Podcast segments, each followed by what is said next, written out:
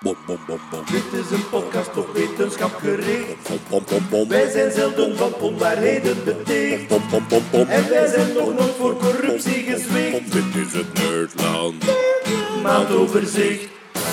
Met uw gastheer Lieven Scheire. Een zeer goede dag iedereen en welkom bij alweer een nieuw Nerdland maandoverzicht. Dit keer van de maand november 2020. Het is vandaag 6 november. Ehm, ik zit in een eh, waskot in de Ardennen, want we zitten weer op Discord. Eh, er is weer een eh, lockdown-achtig iets bezig.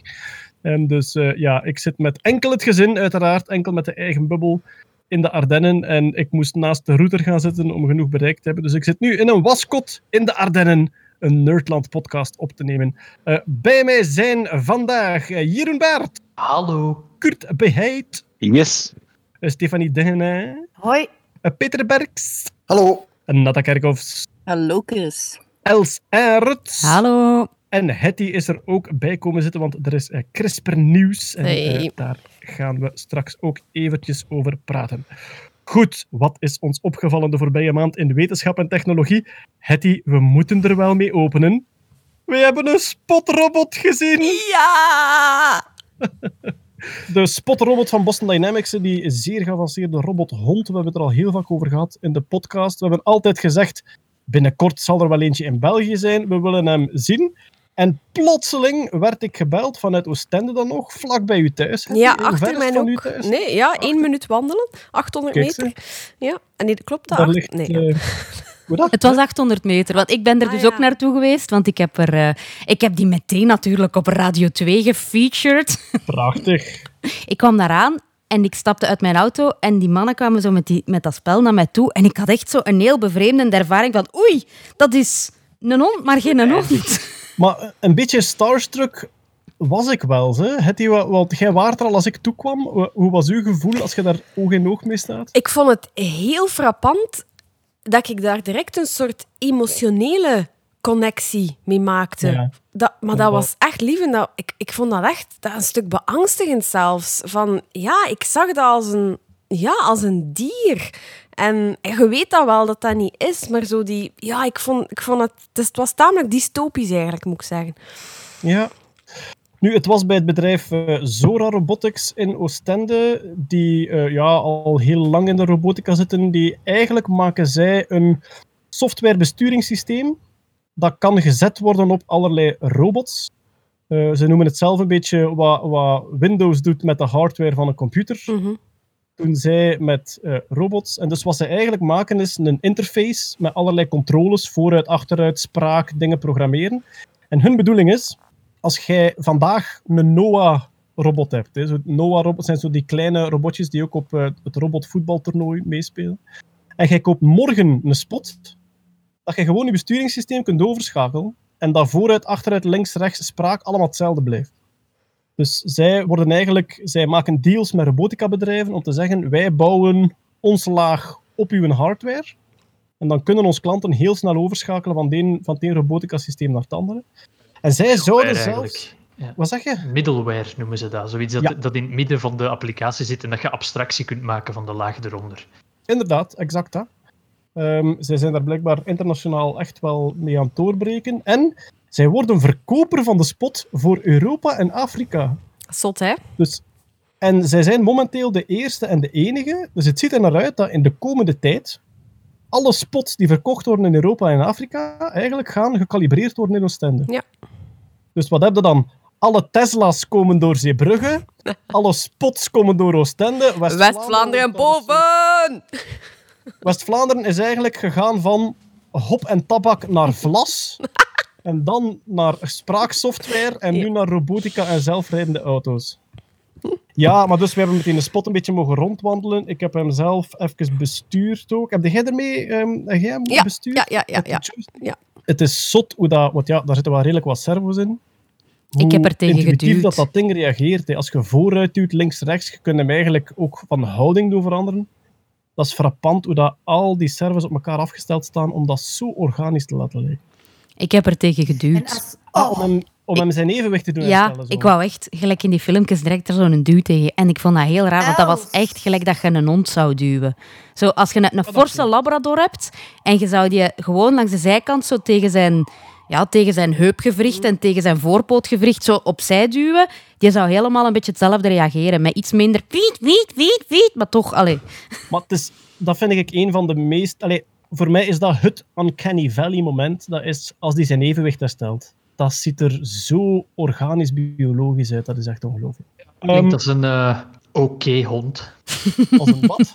Een oké hond. Die ze wel bij Tsjernobyl nu binnen kunnen sturen om daar alles te checken waar dat welke straling is. Dat zie ik Ponchoke wel nog niet doen. Die is, snel, pas op. En he's got nothing to lose. Gevaarlijke combinatie. Wel, maar ehm, dus inderdaad, het lijkt er echt wel op dat die spots nu in de verkoop zijn. Er is al een tweede gekocht in eh, Oostende door, ik denk, Monterey Technologies of zo. Dus er zitten nu twee spots in Oostende gewoon die in gebruik zijn. En je ziet ook dat de bedrijfsapplicaties daarvoor beginnen komen. Meestal zit dat nog een beetje in, in research. Dat is een kwestie van tijd eer dat die echt gewoon ja, als ehm, economisch gebruiksobject gaan verkocht worden. Wat was er te zien de voorbije tijd? In Tsjernobyl inderdaad sturen ze hem in de reactor. Wat willen ze doen? Ze willen een 3D heatmap maken van de straling. Dus dat ze eigenlijk een heel goed beeld hebben van heel die sarcofaag, waar er hoeveel straling is. En dat is voor een groot stuk een onderzoeksproject van de Universiteit van Bristol, omdat ze ook de robot daarmee aan het eiken en checken zijn. Ze willen kijken, ja, wat dat niet alledaags is, hoe goed dat, dat, dat die machinerie tegen radioactiviteit kan. En hoe radioactief, dat die is als die terug buiten komt, of dat je die nog voor andere doeleinden kunt gebruiken, enzovoort. Ja. Vaak die nu over Chernobyl staat, is dat diegene waarin dat er barstjes komen, of dat er stukken van weg zijn, of wat is de status daarvan? Goh, dat weet ik niet. Dat, die, is, die is een keer volledig vernieuwd. Ja, ze hebben die er overgeschoven, zo op twee treinsporen, maar ik denk dat in de huidige sarcofaag ook... Ik denk dat ze daar sarcofagen aan het blijven overzetten zijn, als oplossing. Zo ba babushka nucleaire site. eh, ja, om het uit te pakken. Toch ook het begin van, een van een B-film. hè. Robothond gaat nucleaire site binnen, komt gemuteerd buiten. Maar wat is er gemuteerd? Want die heeft toch geen moleculair DNA? Zwijg, B-film. Ehm, wat hebben we nog gezien? Hij werd, They have mutated. the neutrinos have mutated. Wie was dat? Daryl O'Brien? Tara Bryan. Ja. Ik Ja, link het in de show notes, maandoverzicht.nerdland.be. Ja. Daryl O'Brien, die ook eh, grote wetenschappelijke interesse heeft, comedian, die een science fiction film zat te kijken waarin iemand zei: The neutrinos have mutated. En iedereen die een beetje biologie en fysica kent, die denkt dan: Say what? Is gelijk in, in Die Hard 4, denk ik, zegt op een bepaald moment iemand: Sir, they've hacked our internet. Which internet? All of them. Prachtig. Ook witch Eh, internet. Wat was er nog te zien? In Nieuw-Zeeland hebben ze de spot getest als herdershond. En de beelden zijn fantastisch. Je hebt dus echt een robothond die rond een schapenkudde loopt. Is hij niet te traag? En wel, ja, die die probeert samen te houden. Hij is absoluut nog niet zo goed als een border collie uiteraard.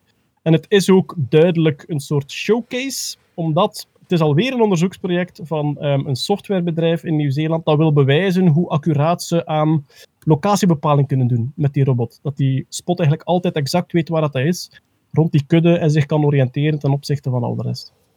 Dus het is vooral nog showcasen om te tonen wat het ding kan, en nog niet echt inzetten als ja, pakjesleverancier of eh, dat soort dingen. Heb je al aan het bedrijf gevraagd wanneer er eens een eh, open de airquotes van de boot kan vallen? Wink, wink, nudge, nudge. Ja, het is een machine van 75.000 euro, Ja. dus denk niet dat ze die eh, uitlenen aan onnozelaars gelijk wij, om eh, zomaar even mee te spelen. Ja. Maar ja, ehm, hij is wel hij is geshowcased in Gent ook, op een persconferentie. Dus het ziet er wel naar uit dat ze hem in het straatbeeld willen en dat mensen die eigenlijk een eh, groot publiek technologisch evenement hebben, het zou mij niet verwonderen dat ze daarvoor openstaan om die ook gewoon te laten zien. Hè. Dus Ja, ik had gevraagd keer- voor Sound of Science en daar stonden ze zeker voor open. Om ook, Dat zou eh, super ja. zijn, was dat Ja. voor Sound of Science. Je bestelt aan een bar via de app en eh, Spot komt nu een drank. Nu, ik heb ook gehoord dat er al één privépersoon heeft eh, geïnformeerd om hem eventueel gewoon zelf thuis privépersoon gesproken. Er was een bepaald moment een grote metalen dino te koop, ergens in Heist op den Berg, maar ze waren ons voor. Het was een of andere schroothoop, die een, een grote metalen T-Rex gemaakt uit auto-onderdelen. En dat stond in de krant en ik dacht van, dat moeten we hebben. Direct naar de Nerdland VZ2-kas ehm, en dan gebeld, gebeld met die mensen, maar die zei van, hij is ondertussen verkocht, de dino, aan, aan, een, aan een particulier. Dus... eh, Maar dus Els, dat waren de mensen van het bedrijf zelf, van Zoro Robotics, die zeiden tegen u, er is echt al interesse van een particulier Ja. die dat gewoon voor zichzelf wil. Ja. Wauw. Ja. Ja, sommige mensen hebben dat staan, hè. Er zijn rashonden die, die, die bijna evenveel kosten hè, en die gaan zo lang niet mee. Hè. Ja, dat is Ja. hetzelfde als een Porsche. Hè. Allee, ja, als, je, als je dat kunt betalen, waarom ook geen spot? Allee, ja. Tja. Goed, wie weet, stel u voor dat u een buurman opeens buiten wandelt met zo'n eh, een spot. het, is, het is fantastisch om bezig te zien, dus als iemand hem ooit live kan gaan zien op een evenement, wie weet op Sound of Science, dan stel ik wel voor, dan wil ik echt een filmpje eh, Poncho Interacting with Spot, om te zien hoe dat die op elkaar fight. Zeg, en dan doen we die spot een pelse fraksken aan en dan doen we het nog eens en nog eens tot als Poncho het gelooft. Poncho een gouden jas. Maar vorige keer stond er een Tesla op Sound of Science. Had je niet geprobeerd om Poncho daartegen te laten pissen, Jeroen? Nee, dat is tegen u een Tesla in u, op u, in, bij thuis. Maar hij, was, hij was al leeg, dus helaas. Poncho mag dat.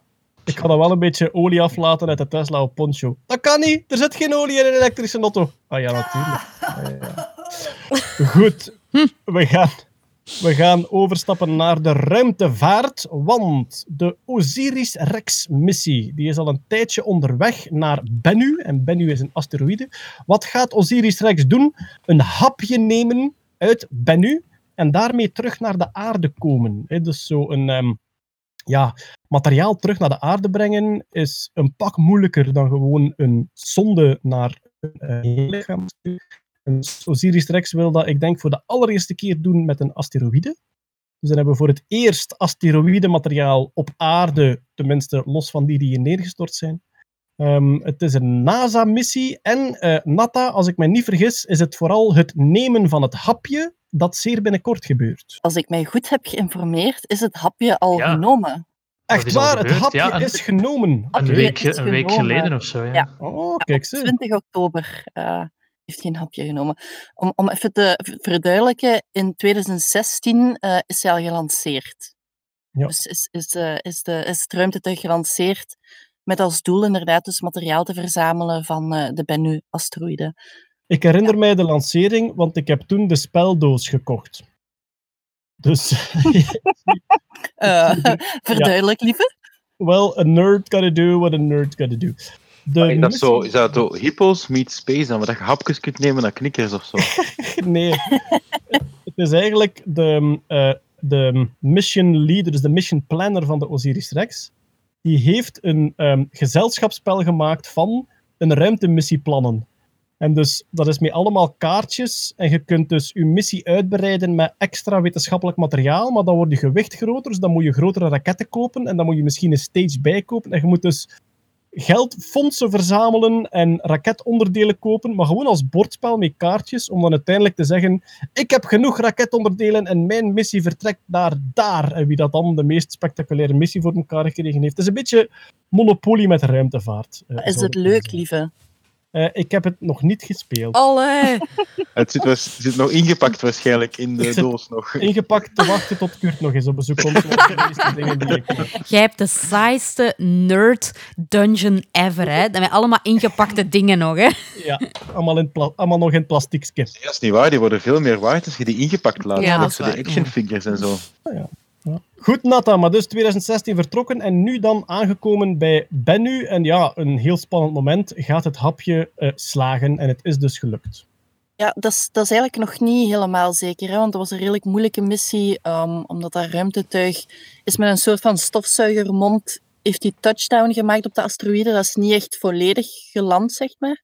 Oké. Ehm, en dat was inderdaad niet zo simpel om, om materie ervan op te zuigen. Eigenlijk. Dus ze hebben met stikstofgas hebben ze, ja, het is nogal complex om uit te leggen, maar hebben ze geïnjecteerd zodat er wat van het materiaal van de bodem zou opwaaien, zeg maar, zodat ze dat konden opvangen. Ehm, maar ze moeten nu nog gaan bekijken of ze effectief ook genoeg materiaal hebben opgevangen.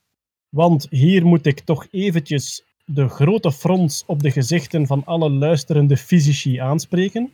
Een stofzuiger in de ruimte. Oei, oei, oei, oei. Hier klopt iets niet wat betreft aerodynamica. Een stofzuiger werkt met onderdruk. De ruimte is een vacuüm, dus een lagere druk dan de ruimte creëren is moeilijk. Ik zeg het vaak, zuigen bestaat niet. Zuigen is altijd het creëren van een onderdruk. Het is eigenlijk de overdruk van de andere kant die dan dingen blaast bij je stofzuiger. Je, je creëert met een ventilator een onderdruk in je stofzuiger. Het is eigenlijk de wind van buiten de stofzuiger die het stof binnenwaait in de stofzuiger. In de ruimte is dat niet. Hoe hebben ze dat opgelost? Dat ze toch konden stofzuigen.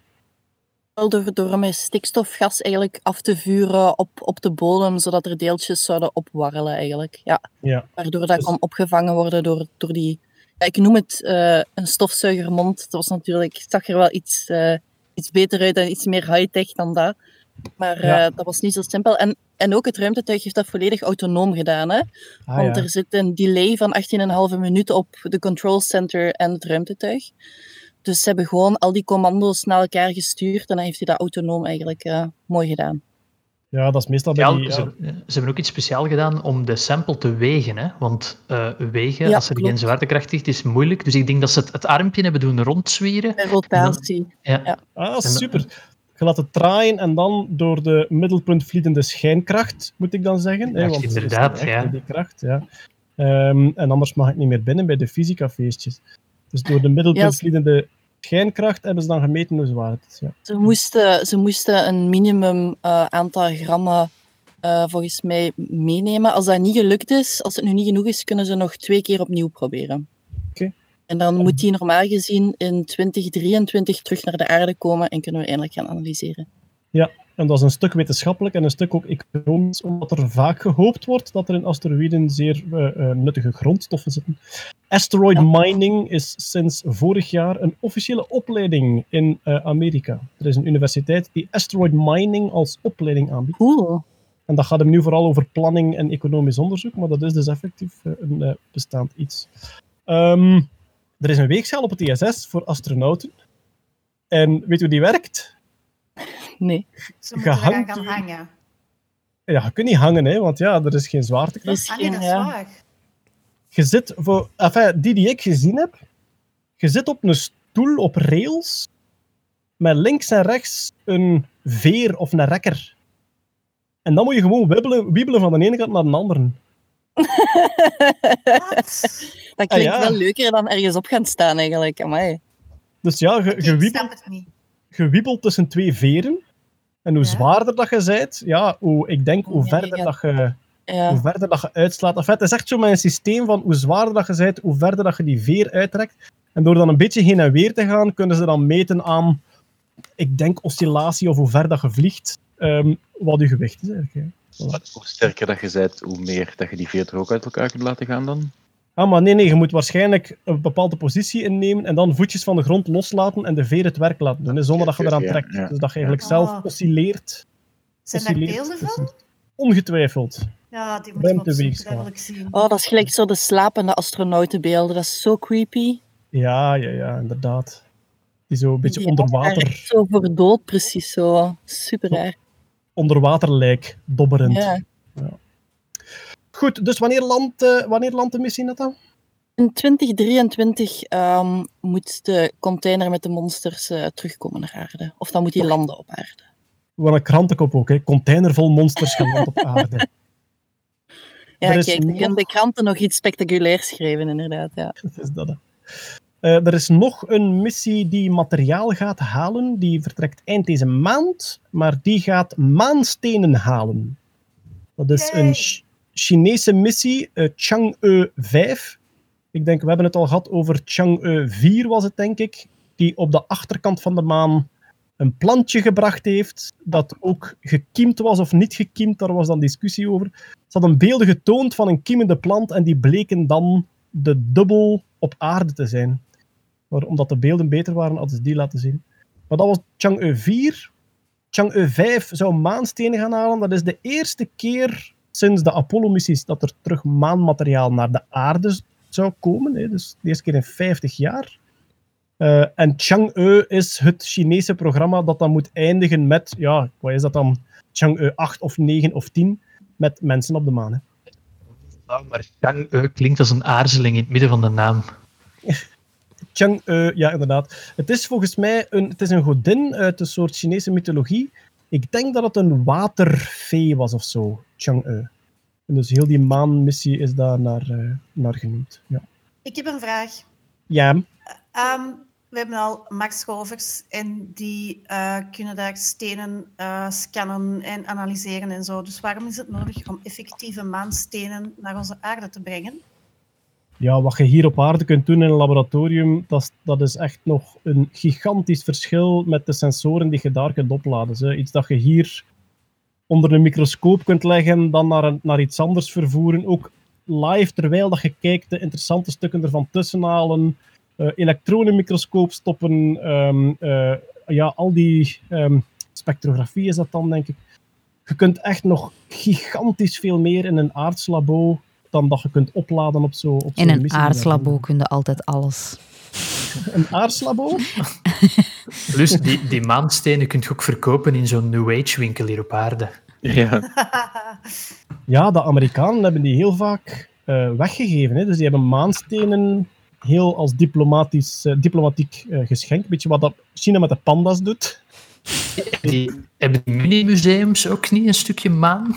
Eh, geen, geen echte maansteen. Ah. Misschien dat die een stuk meteoriet waarvan vermoed wordt dat die van de maan komt, dat ze dat wel hebben. Maar dus ja, die Amerikanen die, die, die gaven dat ooit rond. Er is ooit eentje ehm, op bezoek geweest in de laatste show, denk ik. Waar, dat ik, eh, waar dat ik dan bij was. En daar moest iemand van security altijd op 3, 4 meter van blijven. Dus die mocht niet, ja, ja, ja, er was echt iemand constant aanwezig bij die maansteen. Die is eigendom van de Belgische staat, denk ik. Zit in een glazen bol, ingesmolten.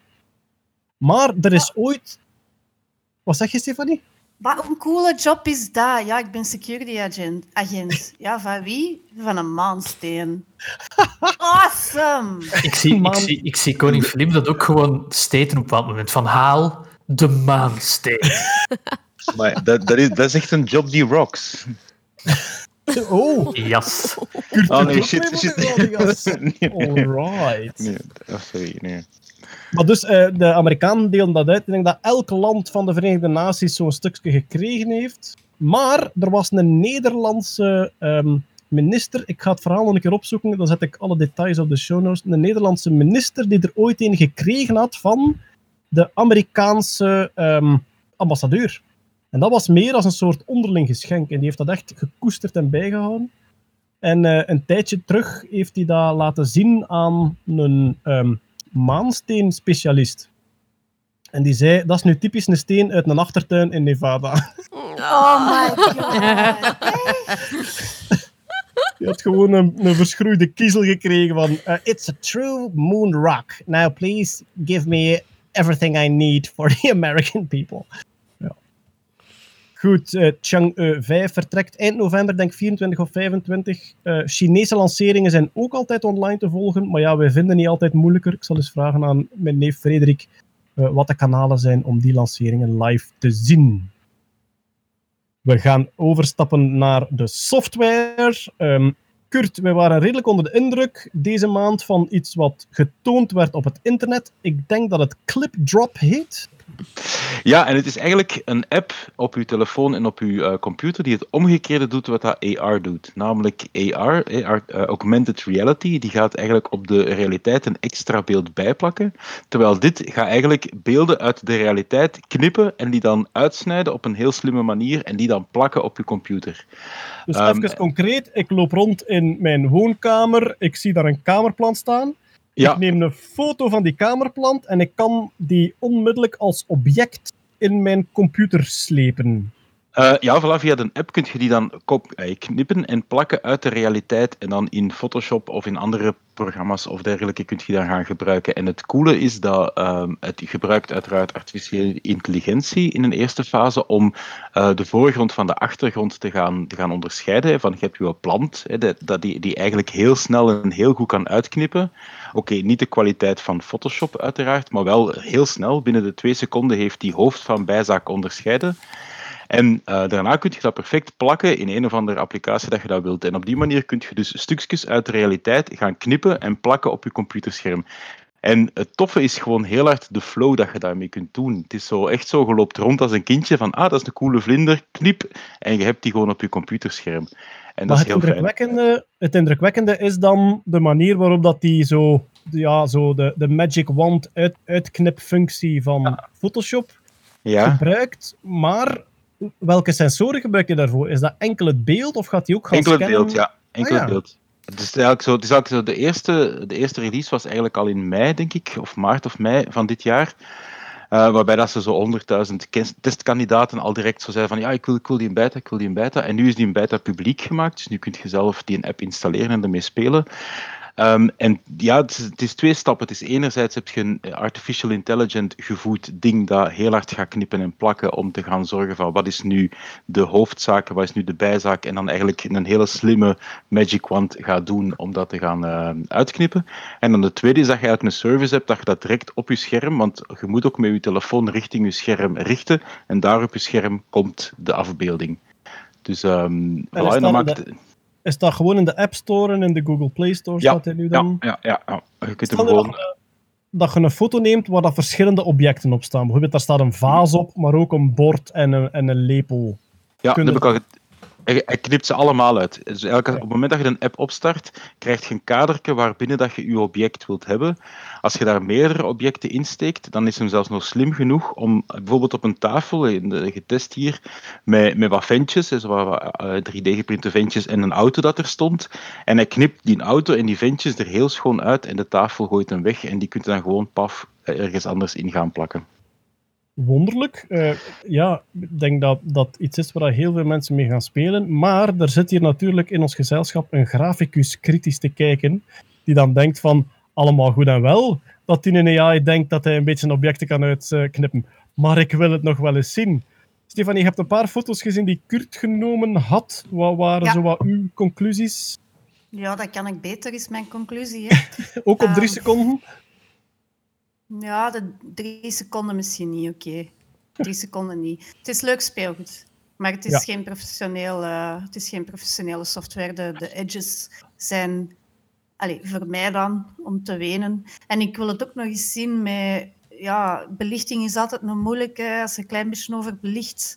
Als je een object een klein beetje overbelicht, zeker als dat een lichtobject is, eh, licht van kleur dan, dan ga je Ja. altijd die edges ga je dan eh, niet meer zien. Zelden met reflecties. En zeker met personen, denk ik, is dat niet, gaat dat niet goed komen. Maar ja, het is leuk speelgoed. Wat dus En, eigenlijk en dan ben ik zeer mild. Maar ja, voor, voor, voor mensen zoals ik, hè, die dus... Ik kan zelfs met Photoshop bijna niets. Ik, ik merk aan de generatie na mij dat die dat gewoon meegekregen hebben, zoals ik, een tekstverwerker en een spreadsheet. Doen die daar bijna allemaal ook Photoshop en iets van videomontage bij? Of misschien zit ik gebiased omdat ik te veel in de audiovisuele kant zit. Hè? Maar ik nee, merk ik, dat denk, dat... ik denk zeker daarvoor dat het, dat het, heel, dat het, heel, tof, zou, dat het heel tof kan zijn. Zeker inderdaad voor, eh, voor eh, jonge mensen of voor mensen die geen, die geen grafische opleiding hebben genoten om daarmee te spelen en om daar filmpjes mee te maken en dit en dat. En het gaat heel snel en zo. Dus, dus dat, dat, ja, zeker. Maar, een Maar het is- Maar de eerste- nee. Maar het is uiteraard speelgoed en dat is het toffe eraan. Het toffe Ja. is niet dat je. Het is geen tool om, om dingen te gaan uitsnijden zoals Photoshop het doet. Het is een tool om naar de werkelijkheid te kijken en heel de flow dat je hebt van. Ik trek nu een foto, ik stuur hem nu door van mijn telefoon naar mijn computer. Ik begin dan heel mijn proces, omdat gewoon. Ah, ik ben een presentatie aan het maken, ik wil nu gewoon mezelf in een grappig beeld, paf, je trekt je eigen en je staat erin en twee seconden daarna zet de, heb je het, heb je het beeld. En, en daarin, want wat het tweede ding is, dat ook, dat doen niet alleen beelden, maar het kan ook tekst. Hè. OCR is natuurlijk heel, ehm, heel, heel bekend. En, en Google bijvoorbeeld, hè, met Google Translate kunnen zelfs live op tekst. OCR is letters en cijfers Ja, herkennen. optical character recognition. Dat je eigenlijk in een beeld, dat je de tekst, dat je een computer hebt die dat slim genoeg is om de tekst daarin te gaan analyseren. En eh, letters die dat een pixels zijn, om die om te zetten naar een computertekst effectief, zodanig dat je die tekst kunt selecteren en kunt knippen en plakken bijvoorbeeld, of kunt laten voorlezen van die dingen. En bijvoorbeeld een heel toffe toepassing is Google heeft er zo een dat je echt zo naar een, een, een stuk tekst kijkt met die app en die vertaalt live op beeld eh, naar een andere taal de tekst die hij herkent. Dat is inderdaad een app die iedereen echt een keer moet proberen, want uw mond valt open. Eh, Google Translate, geklikt op eh, het cameraatje, gefilmd een boek in het Engels, en op uw beeld, de boek blijft hetzelfde, het lettertype blijft hetzelfde, en de letters veranderen naar Nederlandse tekst. Het is magic. Ja. Nu, wat, ik, wat ik dan denk bij die app, dus je kunt eigenlijk wat, wat een goede Photoshopper uiteraard beter kan, maar waar hij echt wel skills en ervaring voor nodig heeft, maakt hij een app heel simpel. Dat is toch een beetje hetgeen dat we vaak zien bij AI, dat die, ehm, dat die taken heel erg foolproof gaat maken. Hè? Dat het Ja, heel dat- gemakkelijk wordt voor iemand zonder skills om dat soort dingen minder goed, maar wel op een manier te gaan doen. Zo. Ja, wat ik inderdaad in deze app ook vind, is dat zo die AI die gaat zo tot een bepaald percentage in wat dat aanvaardbaar is van niveau. Hè. Gelijk het schoon uitknippen van, tek, eh, van, van beelden of het genoeg herkennen van tekst. En ik heb het ook getest. En het is gewoon, je trekt een foto van een document en paf, je hebt die een tekst gewoon rechtstreeks staan. Dat is gewoon de flow, hoe snel dat gaat, is, is, is goed. En dat is niet 100% goed. Dat is niet ehm foolproof genoeg in het eindproduct of zo. Niet professioneel. Maar, ja. Niet professioneel genoeg, maar wel voor misschien een doorsnee mens of voor een andere toepassing dan professioneel afleveren van een schoon beeld of professioneel afleveren van een tekst. tekst. Ge- Geef het wel zo de eerste stap, misschien 80, 90 procent van wat dat je wel wilt bereiken voor de gemiddelde mens. En dat is wel heel tof. Ik ga er zeker een beetje mee spelen. Het lijkt me heel tof om te doen. Maar wat er mij ook op, in opvalt, hetgeen dat je zegt, zo flow en intuïtief gebruik. Hè. Ik kijk naar een object, ik trek daar een foto van en ik richt op mijn computerscherm en dat verschijnt daar. Dat is iets... De, de nieuwe generatie spreekt, spreekt heel vaak van frictionless. Hè. De, de dingen moeten eigenlijk zichzelf uitwijzen. En Ja. de, de, de AI watches over us. Hè. All watched over by machines of loving grace. En die probeert te achterhalen wat we bedoelen en dat voor ons uit te zoeken. En volgens mij is de toekomst dat onze huis-AI zodanig goed is in het inschatten van onze intuïtieve flow, dat als je op een tv slaat van boven, dat die effectief hersteld wordt. Dat u... dat, dat uw AI... Eindelijk! Natuurlijk, uw huiscamera ziet wat je doet. Die kan onmiddellijk afleiden. Hij is niet content over de tv. Die kijkt naar de software, die voert een update uit. Als er een hardwareprobleem is, eh, contacteert hij een technieker en alles wordt voor u opgelost gewoon door uw intuïtieve kwaaie reactie. Het is een theorie.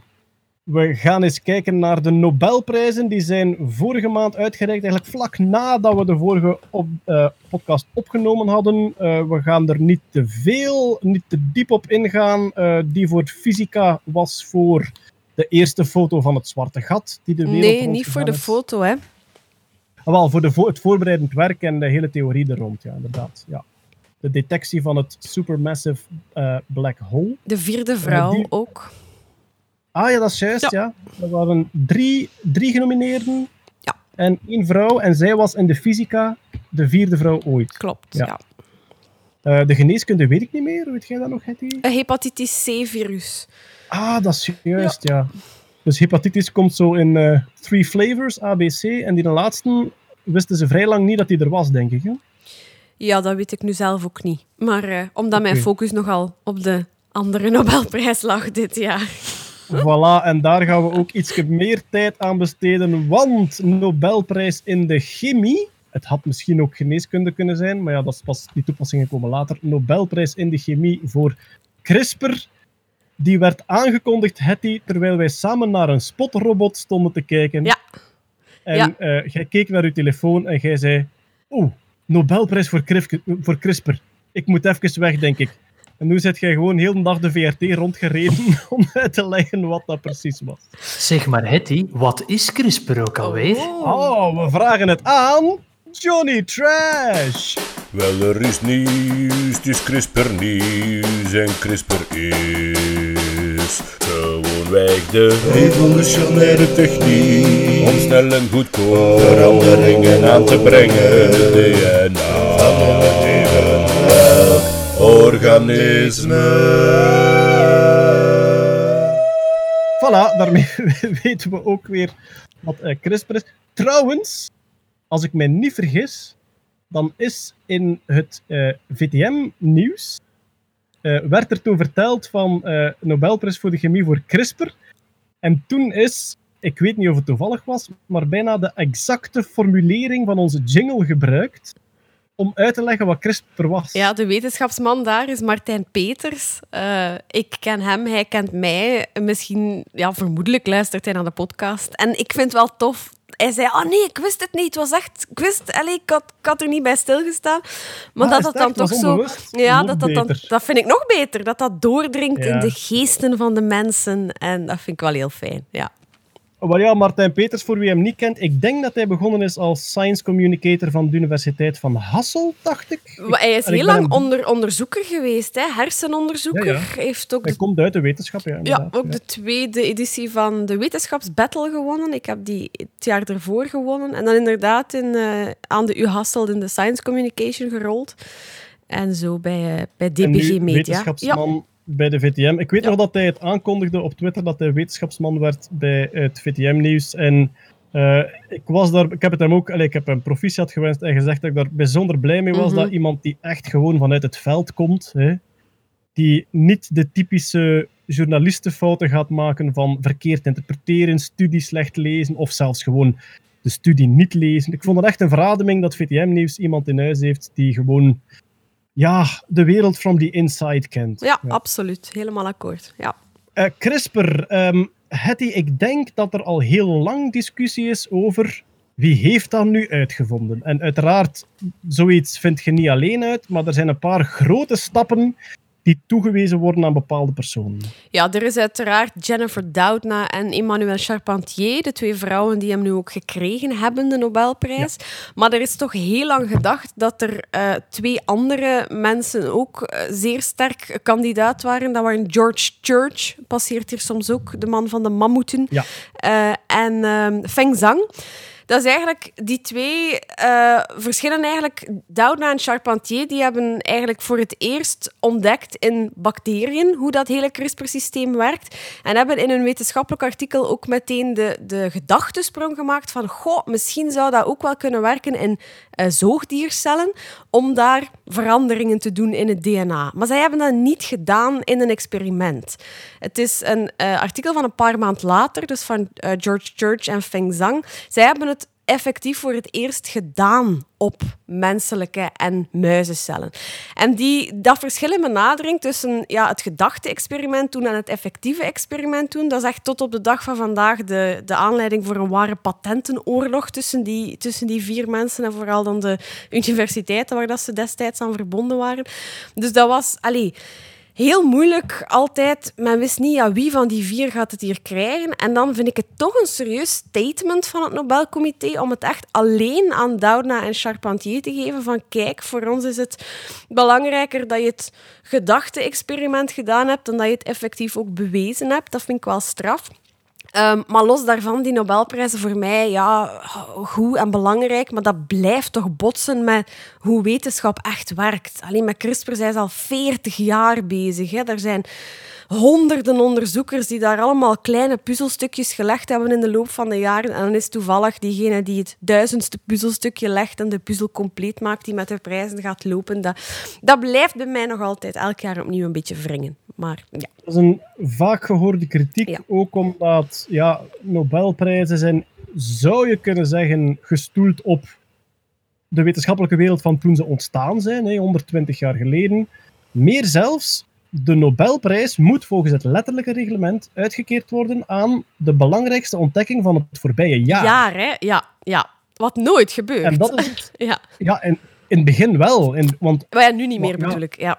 Natuurlijk, nu, nu, nu is dat onmogelijk. Nu kun, nu kun het u zelfs niet permitteren om het te geven aan iets wat nog maar een jaar out there is, omdat moet, dat moet nog gecheckt worden, dat, allee, dat moet nog, allee, nog herbekeken worden. Maar ja, als je zo die, die vooral die natuurkundegeschiedenis leest van het jaar 1900 bijvoorbeeld, wat was dat dan? Eh, Kamerling Onnes die dan in een soort strijd zat om als eerste zuurstof ehm, of andere gassen vloeibaar te maken. Dat waren hele tastbare milestones die één iemand met een labo onder zich eh, bereikt had. En inderdaad, het is zoals dat gezegd, wetenschap is nu zo vaak teamwork, heel veel instituten. Instituten hebben al Nobelprijzen voor de vrede gekregen. Ik weet niet of dat ze al andere gekregen hebben. Die voor de fysica werd even getwijfeld of dat ze voor het Higgs-boson ook CERN erbij gingen pakken, maar dat is dan niet gebeurd. Klopt. Ja, ik zou het moeten opzoeken. Ik weet het niet eh, uit het hoofd eigenlijk. Maar goed, over die, die tijd gesproken. Allee, eh, ik, ik had het niet verwacht hoor, eh, dit jaar. Die Is het echt? techno- maar ja, die technologie is amper acht jaar oud. Hè. Dat is in 2012 ontdekt. Eh, vooral ook weten welke ethische vragen dat er nog allemaal rondheersen. Ik vind het straf. Naast de statement van kijk, hij is voor Doudna en Charpentier, is het voor, voor mij nog een veel groter statement van kijk, guys, we weten dat er een technologie is waar heel mooie dingen mee mogelijk zijn, maar waar ook verschrikkelijk lelijke dingen mee mogelijk zijn. Maar we vertrouwen jullie. Wetenschap en wetenschappers, we vertrouwen jullie. Eh, doet er uw ding mee. Want allee, we weten allemaal, de kans is niet onbestaande dat er volgend jaar of over vijf jaar een, een artikel verschijnt. Een Noord-Koreaanse wetenschapper creëert baby's die geen pijn kunnen voelen dankzij Nobelprijswinnende technologie CRISPR. Dat, dus dat ze daar risico willen nemen, dat, dat vind ik, dat vind ik een, een heel ferm statement dit jaar. Zou je, zou je durven beweren dat die Nobelprijs te- eerst aan, eerst aan muizen moet uitgereikt worden? Omdat het te vroeg is. Hier hebben we niks aan te wachten. voor, voor mij persoonlijk vind ik dat het ethische aspect dat je daar eigenlijk gevaarlijke en erge dingen mee kunt doen, staat voor mij persoonlijk los van de wetenschappelijke verwezenlijking dat je het ingezien hebt.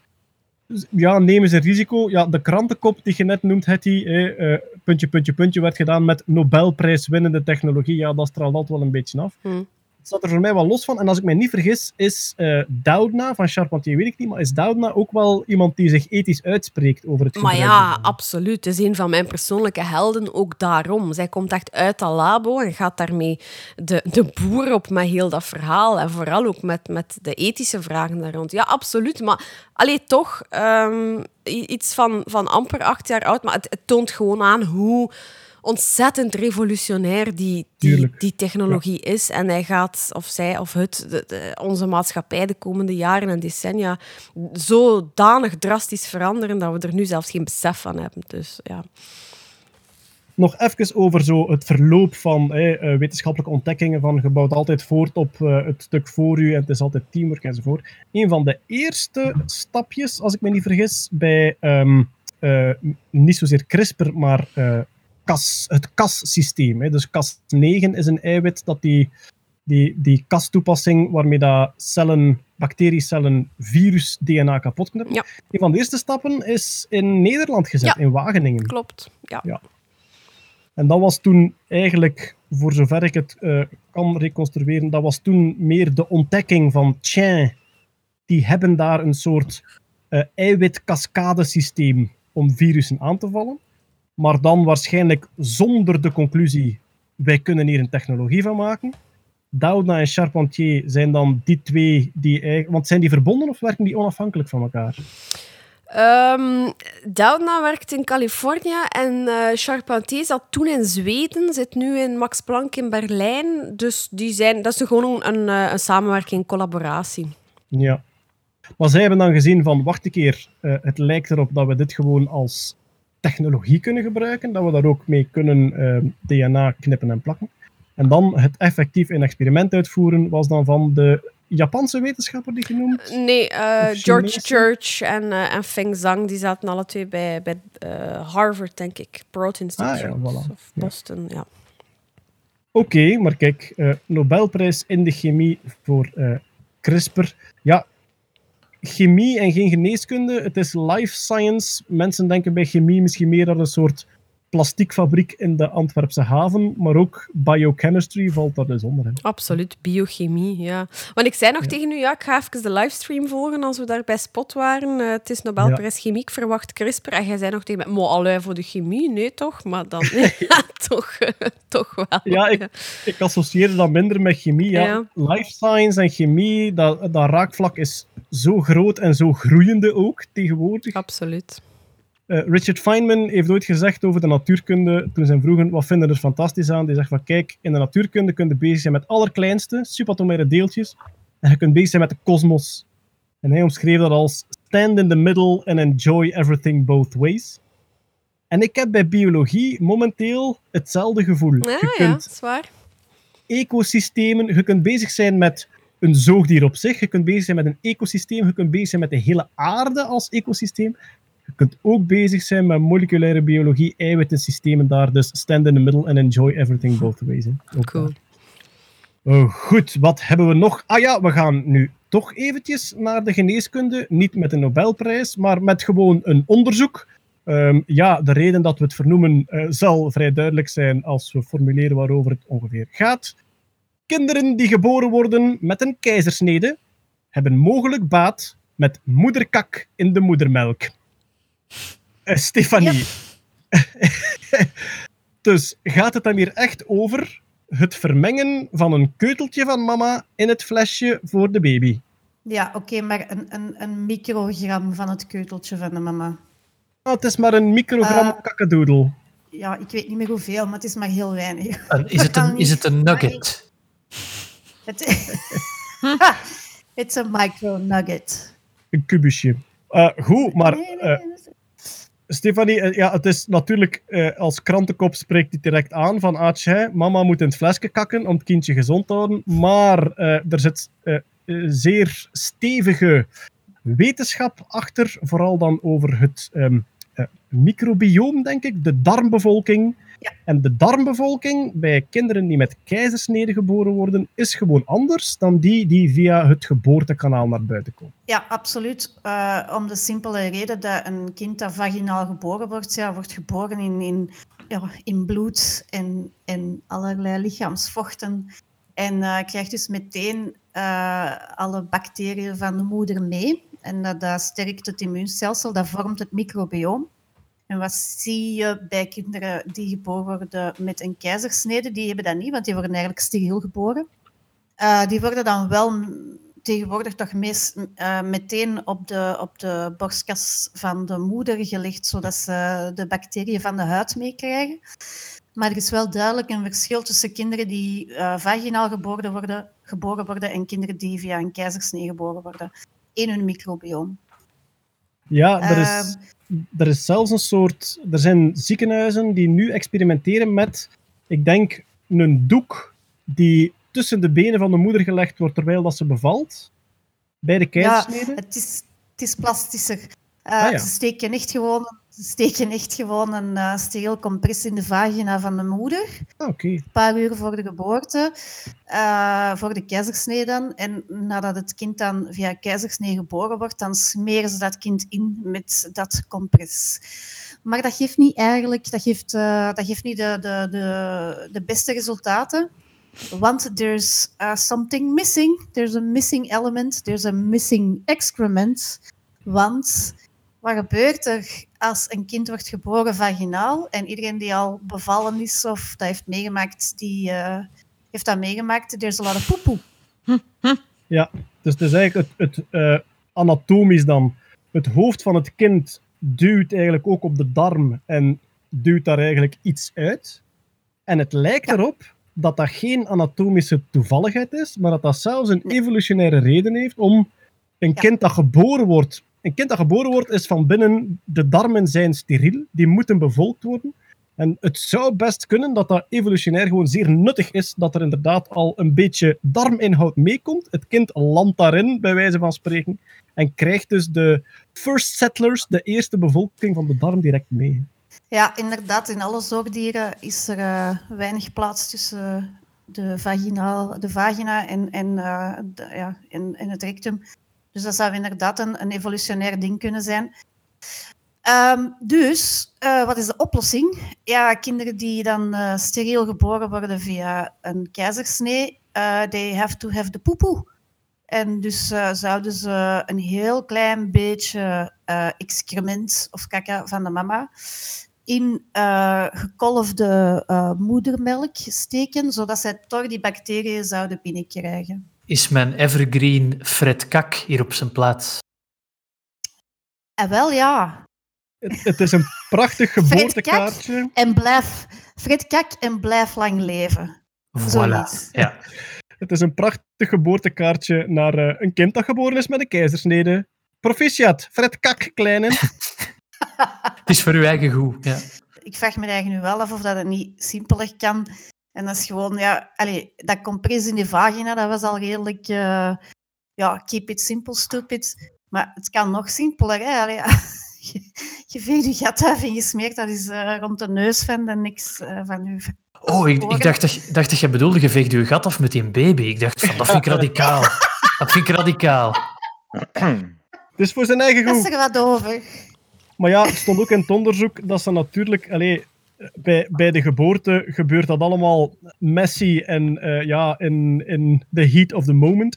Natuurlijk, als je daar eraf gaat toedienen, willen ze dat zo gecontroleerd mogelijk doen. En maken ze zich ook zorgen over... Ja, er kunnen ook wel ziektes of parasieten in het slechtste geval meekomen. Dus er was nog een hele procedure die uitgewerkt werd om dat zo veilig mogelijk te doen, dat je zeker die, ehm, dat microbioom meekrijgt, maar de rest niet. Daarom hebben ze ook de kakka van de, van de vrouwen eerst eventjes eh, eh, geanalyseerd om te zien of dat daar zeker geen schadelijke bacteriën uh, Geanalyseerd. Nee! Ehm, ze hebben, eh, als ze nog een stap verder gaan, dan kunnen ze eigenlijk kunnen ze niet zo'n generieke kunstmest daarvoor op de markt brengen of zo. Ik denk dat het vrij belangrijk is dat het bacteriën van de mama zijn. Ja, wel, maar dat is, dat is ontzettend boeiende materie. eh, in welke mate dat de bevolking die ontstaat, niet alleen in uw darmen, hè, maar ook van heel uw, heel uw huidbevolking van bacteriën, is een gigantisch ingewikkeld samenspel tussen wie er eerst ter plekke is om de boel te bevolken, maar ook genetische aanleg. Je hebt in, eh, in, in België hebben we Dr. Armpit aan de Universiteit van Gent, die mensen met een slechte lijfgeur eigenlijk een okselgeurtransplantatie geeft. Dus die wast, ja, ja, die wast de oksels helemaal proper tot als alles daar dood is.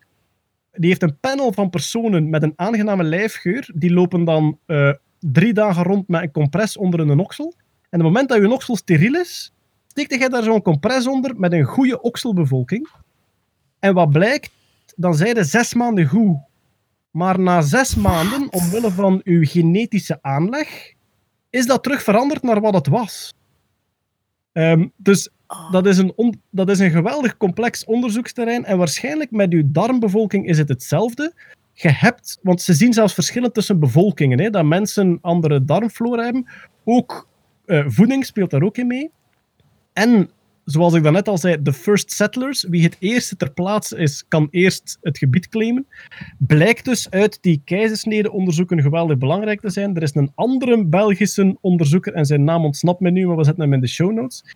Die doet onderzoek naar darmflora van kinderen die geboren zijn met een keizersnede, maar die gaat één generatie verder.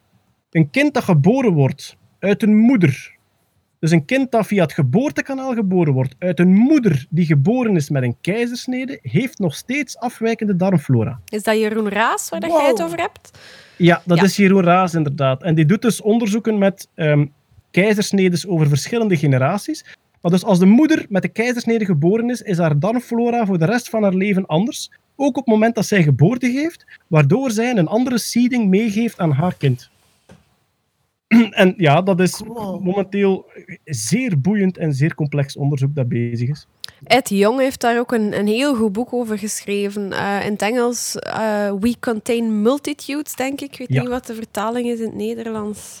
Eh, I Contain Multitudes, eh, ja, Ed Jonge inderdaad. Ja. Over het feit dat wij gigantische bevolkte planeten van bacteriën en de rest zijn. Nog één ding wat ik wil zeggen over kakfretten. Vele, vele diersoorten hebben dat eh, gewoon in hun basisgedrag. Een konijnenjong dat pas geboren is, krijgt bewust kak te vreten van de moeder. Hè, dus die geeft... Die... Ja, maar ja, konijnen fretten de hele tijd hun eigen kak, want die, moeten, Ja, die hun dingen is te kort voor hetgeen dat ze eten, dus dat moet twee keer passeren, anders hebben ze daar niet alles uit. Ah, is het echt? Ja, ja, ik heb een dwergkonijntje in huis gehad. dat is echt recht uit de poep, poepsnoepjes, heel de dag opnieuw. Wel, wel. Eh, een soort human centipede, maar dan met jezelf. Dat is, ja, dat is een gesloten systeem in feite. Je moet dat maar één keer voeren. Maar eh, koala's doen het ook, omdat koala's hebben een heel specifieke darmflora, omdat je anders geen eucalyptus kunt verteren. Hè. Dus die hebben echt een soort unieke darmflora. Met als gevolg dat een, een, een kleintje dat geboren wordt, kan dat gewoon niet op tijd opbouwen. En dus de koala-moeder, die, daar zijn ook beelden van, die neemt dus echt de nugget met het pootje vast recht uit de eigen anus gaat dat in de smikkel van de kleine. En die kleine krijgt dus echt gewoon microbioomkak te fretten van de moeder. Ja. Anders, Wow. anders kunnen ze nooit... Dat eh, moeten, we ook, dat moeten we ook in de show notes zetten, dat wil ik zien. Ja. En we maken er een eh, doe-opdracht van op Sound of Science. Genoeg kak gefret. Het is tijd om terug naar de artificiële intelligentie te gaan. Jeroen, er was Ja. een voetbalmatch in Schotland. Daar hadden ze een goed plan. We gebruiken een AI-systeem om te zien wanneer de bal buiten is. Dan hebben we een soort zeer accurate lijnrechter.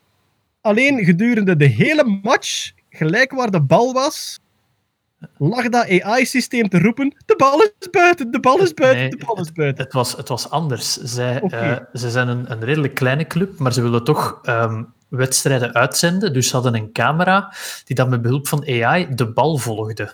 En dus Ah. probeerde zelf te regisseren. Nu, eh, dat, dat werkt normaal heel goed. En ja, de stadia zijn leeg natuurlijk, dankzij COVID eh, en alles. En de enige manier voor de fans om naar zo'n match te kijken is als dat daar gefilmd wordt met een geautomatiseerd systeem. Maar wat bleek nu? Die dag hadden ze een lijnrechter met een kale knikker. En eh, die, die camera heeft de hele tijd die lijnrechter zitten volgen in plaats van de bal. Eh, Dat zou een opleidingsvideo ook voor lijnrechters kunnen worden dan. Ja, veel, veel kijkers kloegen dat ze. De, want er zijn het is 1-1 geworden in de match. En beide goals waren niet te zien op de camera, omdat op dat moment de, de camera aan het focussen was op de lijnrechter aan de onderkant van het scherm. Die dan natuurlijk, ja, die, die moet constant de spelers volgen. Ik denk dat een lijnrechter de spelers volgt die daar het meest extreem links of rechts in het veld staat, om te kijken Ja, of er iemand die- offline staat. Dus ja, die zit constant ja, die zit constant op en neer te lopen langs de, langs de lijn. En ja, dat is eh, dat, dat systeem. eh, Moet een, boeiend, een boeiende livestream geweest zijn. Heel de tijd eh, de Patrick zijn achterrug gefilmd. ja, Blijkbaar, blijkbaar is het systeem ook een paar keer op tilt geslagen toen de bal vrij kort bij de lijnrechter kwam. Toen kon Ah, ja. het systeem niet meer onderscheiden wie bal was. Voilà, dus AI, eh, early adopting. Het heeft zijn kinderziektes, maar dit was toch wel... Een... de, plo- de ploeg was Thistle FC in eh, Inverness, Caledonian. Dat zal iets schottig zijn, hè? Voilà. voor wie de match nog eens wil herbekijken. Er is zowaar tum tum tum nieuws deze keer. Eh, jullie kennen het concept nog, hè? dus ik lees eh, de kop voor. En als je het ermee eens bent, dan eh, zeggen we na de kop uiteraard tum tum tum. Ja, maar hoeveel tums? Nu doen we er twee. Voor mij is het tum, tum, tum, tum. Nee, het is... ta, ta, ta. tum, tum, tum. Oké, oké, oké. Zijn jullie er klaar voor? Ik Een wel. echte, een echte krantenkop die zelfs internationaal rondgegaan is. Antwerps Kerkhof wordt overspoeld door zichzelf klonende invasieve marmerkreeften. Tum, Eh, Amai, dat was ja, mooi. Ik heb gewoon niet meegedaan, omdat ik wist dat het niet ging lukken. Natta, wat was er precies aan de hand? Ik zal al meteen zeggen dat het iets, iets minder creepy was dan de krantenkop deed vermoeden. Alle. Ah, helaas. Nee, dat kan niet. Dat kan Wie niet. had, wie had dit verwacht? Ja. Nee, er zijn wel effectief eh, zichzelf klonende, of ja, klonende, mogen we wel tussen haakjes zetten misschien, eh, marmerkreeften die ehm, op het Schoonselhof in Antwerpen, dus op de begraafplaats, die daar wel Maar even, klonen, ja, eigenlijk volgens de definitie wel. Hè. Dus het is een, een asexuele voortplanting. Dus het zijn eigenlijk vrouwelijke marmerkreeftjes die gewoon dochters produceren die hun tweelingen zijn. Dus min of meer klonen, ja. Ja, ja, dat klopt inderdaad wel. Maagdelijke voortplanting had ik gelezen, zo heet het. Ehm, en dat resulteerde inderdaad in een, in een kolonie van, eh, van uitsluitend vrouwtjes. En het schijnt, iemand moet dat er hebben uitgezet ergens in een grachtje in de buurt, omdat hij zijn beestjes beu was geworden. En eh, ja, die dieren vermenigvuldigen zichzelf dus ontzettend snel. Dus dat loopt nu een beetje spuigaten letterlijk uit daar. Dat is trouwens ook een soort die Ja. niet, eh, die niet in de natuur voorkomt. Allee, dat is eigenlijk een soort die eh, per ongeluk is ontstaan bij een Duitse kweker. Ehm, en mensen kopen dat, zetten dat in een, in een terrarium of aquarium, whatever. eh raken dat beu, zetten dat uit in de natuur. En nu is dat ondertussen een vrij invasieve soort geworden. Ja. Dat is toch van... Allee, Dat is deurnen, hè? Sorry, dat is deurnen. dat gebeurt er al wel eens vaker. Is, is, is het dan Stefanie- parking of niet? Nee, dat is Neem geen parking, de- maar dat is gewoon deurnen. Neem ons mee in de psychologie van de Antwerpse deelgemeenten en hun onderlinge beef.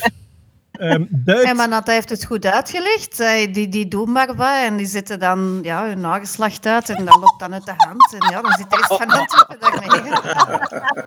ik moet zeggen, als Oost-Vlaming vind ik het de verademing dat Antwerpenaars ook elkaar niet af kunnen. Dat, is dan toch, Dat is wel echt zo, ja. dat helpt dan toch op een manier.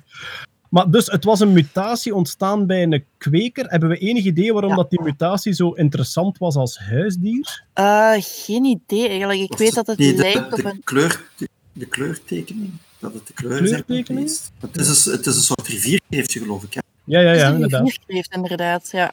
En- Ja, want ik, had, ja, eh, ik zag iemand op Twitter die spontaan ehm, zin kreeg in tagliatelle met rivierkreeftjes toen hij het nieuws eh, las. ik vroeg mij ook al af of die eigenlijk lekker waren, want in that case wil ik wel eens een keer gaan vissen daar eh, in de gracht op het kerkhof. Ja. Heerlijk, rivierkreeftjes die je uit een graf gehaald hebt van een Antwerps kerkhof.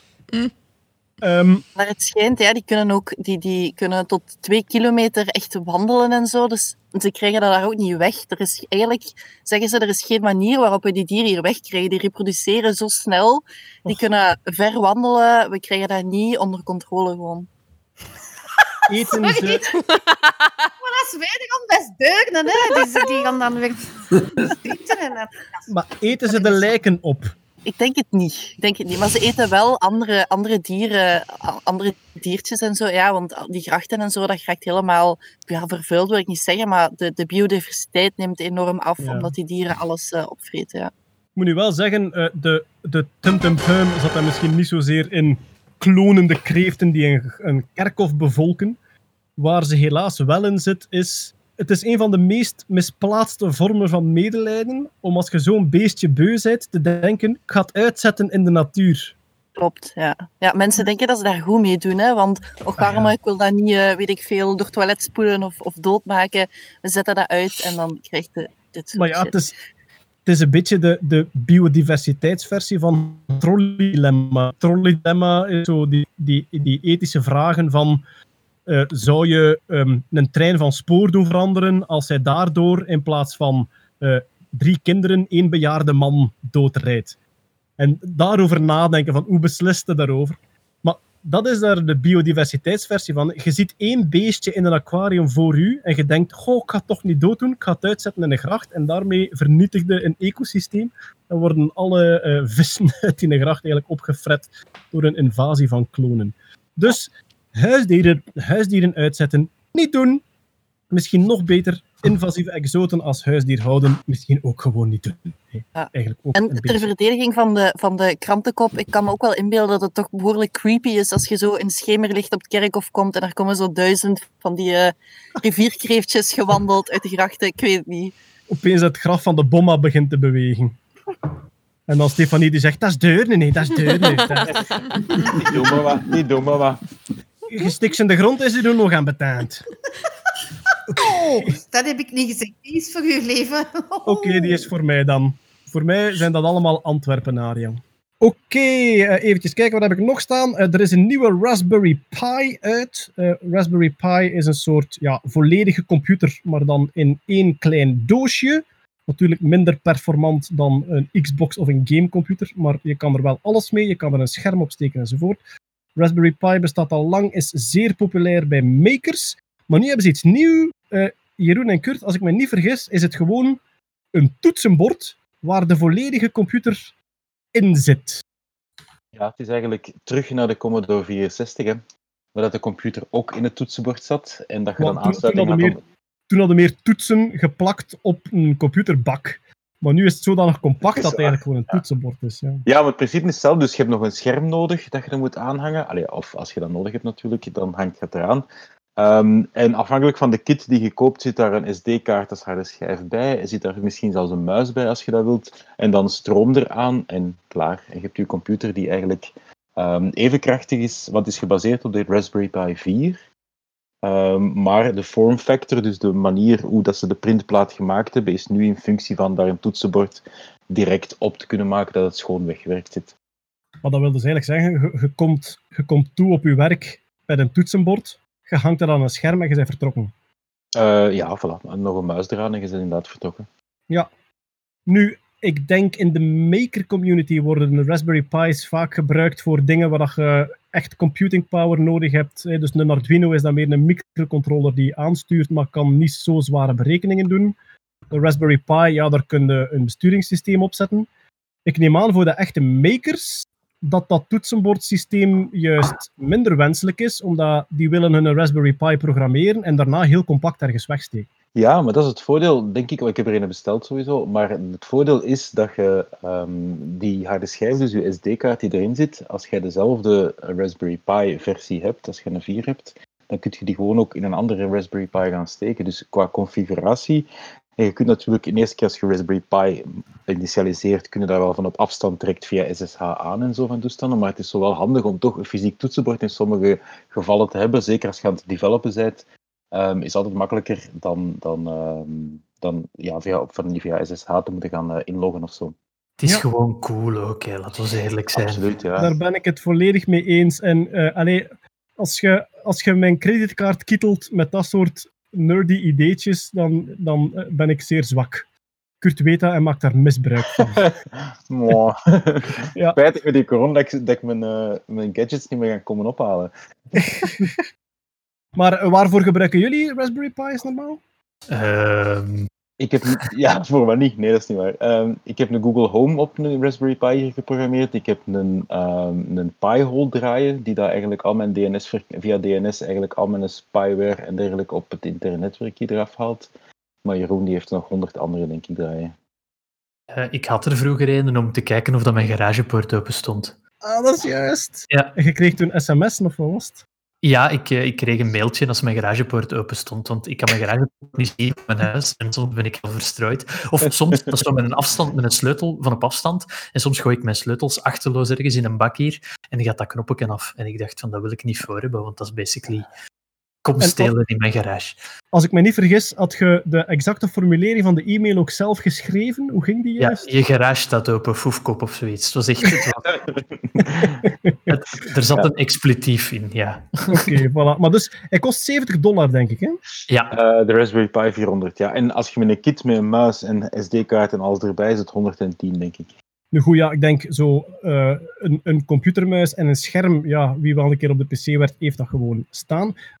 Heb je een idee wat voor uitgang dat het heeft? Is het HDMI of iets anders voor dat scherm? Het is eh, twee keer HDMI, maar het is twee keer een micro of Micro HDMI, ja. Micro Ah, HDMI. oké.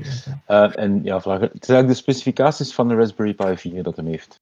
Oké, voilà. Maar ja, 70 dollar denk ik een hele mooie instapprijs voor wie een keer kennis wil maken met de Raspberry Pi. En er staan immens veel makerprojecten online die je kunt kopiëren, overnemen, aanpassen en tweaken enzovoort. Eh, we blijven in het, eh, ja, microcontrollers gegeven. We gaan naar het Internet of Things. Eh, het Internet of Things is de beweging van alle mogelijke apparaten van een app te voorzien en te zorgen dat die communiceren met het internet, dat, die, dat je ja, van op afstand die kunt besturen enzovoort. Er wordt heel veel, eh, heel veel vragen gesteld over, is dat wel nodig voor al die dingen? We zijn allemaal fan van de Twitter-account Internet of Shit, die dat eigenlijk eh, verzamelt. Alle soorten eh, complete gekke verhalen van Internet of Things dings- dingetjes. En er kwam toch wel een hele mooie boven deze maand, namelijk in de sextoys-industrie bestaat er iets als kuisheidspeeltjes. Ik had er nog nooit van gehoord, maar eh, ja, eh, ehm, leg eens uit wat het precies is, Jeroen of Nathan. Ja, ik heb ook moeten googlen. Het is blijkbaar een soort van device dat je over je piemel kunt schuiven en dan kan iemand van op afstand beslissen of dat die vaststeekt of niet. Dus het... eh. Dus ja. het, is geen, het is geen stimulerend object, Nee, het is een nee. soort kuisheidsgordel Ja. dat ervoor zorgt dat jij jezelf niet kunt plezieren. En blijkbaar is dat een dingetje bij sommige mensen dat zij pas echt opgewonden geraken als zij zeer lang verplicht van zichzelf moeten afblijven zijn en bestaan daar speeltjes voor. Kuisheidstoys. Maar nu hadden ze er zo een op de markt gebracht met een app die aan het internet hing. Wat was daarvan het gevolg, Jeroen? Wel, een eh, security firma heeft dat bekeken En eh, wat bleek, die konden... Dus normaal geef je die app, eh, of toegang aan die app, aan iemand die dat je, ja, waarmee dat je in een relatie bent, of toch een seksuele relatie hebt, en dat die dan kan zeggen van, slotje open, slotje toe, zo'n beetje teasen. En ik, ja, ik, eh, het is mij vreemd, maar dat gebeurt. En wat bleek, eh daar zat een fout in die software, waardoor iedereen op elk mogelijk moment uw penis op slot kon doen. En dat is natuurlijk niks dat je niet wil hebben. Het kon zelfs door heel snel te wisselen tussen op slot en niet op slot, op slot en niet op slot, dat ze dat apparaat redelijk warm konden krijgen ook. No. Dat is, ja, dus, dus hackers op het internet die uw penis verbranden. Maar dus ook is zo, de geburen zijn bezig en je hebt zoiets van, het is goed geweest, hè, jongens, we gaan slapen nu. Up, op slot. Zeg, schat, doe jij de Nilair van hier neffen eens op slot, want het is weer laat. De, de naam van het Ja. product is de Kiwi. Q-I-I. Q-I-U-I. En En ook het geluid is meestal als het gehackt is dat je maakt. en de, de, de, de, de tagline van het bedrijf is Redefine your desire of controlling. Oeh. Maar er waren effectief ook mensen die erin hebben vastgezeten. hè. Eén man zei van, ja, ik zal het misschien even voorlezen. It worked for about a month until I almost got stuck in it. Thankfully, it lo- unlocked itself randomly and I was able to get out of it. The device left a bad scar that took nearly a month of recovery. Wat? Dus, ja. Maar dus het systeem, het- er zit een soort klem in die dan aan de basis van de penus Met eigenlijk... tanden of zo? Nee, nee het, is, ik, het is een soort nijpsysteem. Er staan foto's online, we zetten ze in de show notes. Het Met is een, de ja, waarschuwingen bij, ja. ja, van voor zit er ook zo een uitsparing voor de pisstraal. Dus het is eigenlijk een soort klep die erover komt en heel de boel naar beneden duwt. Met zo'n uitsparingsje voor, voor te urineren dan toch nog. Ehm, en het securitybedrijf heeft dus alles eh, bekeken en onderzocht. En die zeiden van ja, eigenlijk konden wij door een slimme hacking de boel zo programmeren dat die op slot ging default. Dus eternally locked penis. En ze hebben dan ook naar de hardware gekeken. En ze zeiden van ja, er zijn waarschijnlijk twee manieren om als hij van op afstand geblokkeerd is, om hem los te krijgen. En dat is ofwel met een kleine betonschaar. Dat is hetgeen wat je wilt horen als je penis Ja, vastzit. je Betonschaar, ja. Een soort millimeterwerk om het metaal wel mee te hebben en het zachte weefsel niet. Maar zeiden ze, er is misschien ook een oplossing met een soort mini-slijpschijfje. Oh, dat is beter. Er zijn heel weinig werktuigen die je in de buurt van je genitalie wilt hebben. Ik kan me niks uit een gereedschapskist bedenken waarvan ik zeg, ah wel ja. Ja, het grappige was dat het bedrijf ook volgens mij zei dat ze er niet heel veel aan konden doen, want als ze, als ze een update zouden uitsturen, zouden alle devices die daarop connected waren, zouden sowieso sluiten. En dat zou ja, ook niet heel gewenst zijn. Maar, toch maar wacht, maar ik heb een, Grappig. maar wacht. Hoe, hoe, hoe gaat dat? Want Dat moet dan constant verbonden zijn met het internet. Dus als je gewoon Ja. op de baan bent en je hebt je gsm niet bij, dan zit je vast, letterlijk. Ah ja. En ik weet niet wat dat jij allemaal doet op de baan, maar dan kun je even niet aan je, aan uw piet. Nee, dat is waar. Goh. Wel, eh, Kun je toch ook niet wassen dan? Ja, dat is, Ja. toch niet, dat is toch niet, dat is niet proper, joh. Allee, dat is- maar niet Kurt, ten, proper. Eerste, en ten eerste, Kurt, maak u geen zorgen. Er zijn ook parkings langs de autostrade met wel internet. Ehm, Ja.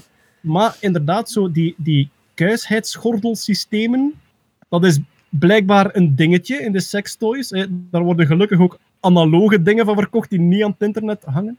Maar dat is altijd een soort systeem waardoor er wel speling is voor het urineren en om met, met wat vocht dat toch een beetje af te spoelen, maar dat je gewoon niet de ruimte hebt om jezelf te plezieren. Is het dan meestal. Vanavond Ah, niet, schat. Het internet ligt plat. En als je dan een spontane erectie hebt, Ik denk dat dat dat, pijn? denk dat dat zoveel pijn doet dat de erectie terug weggaat dan.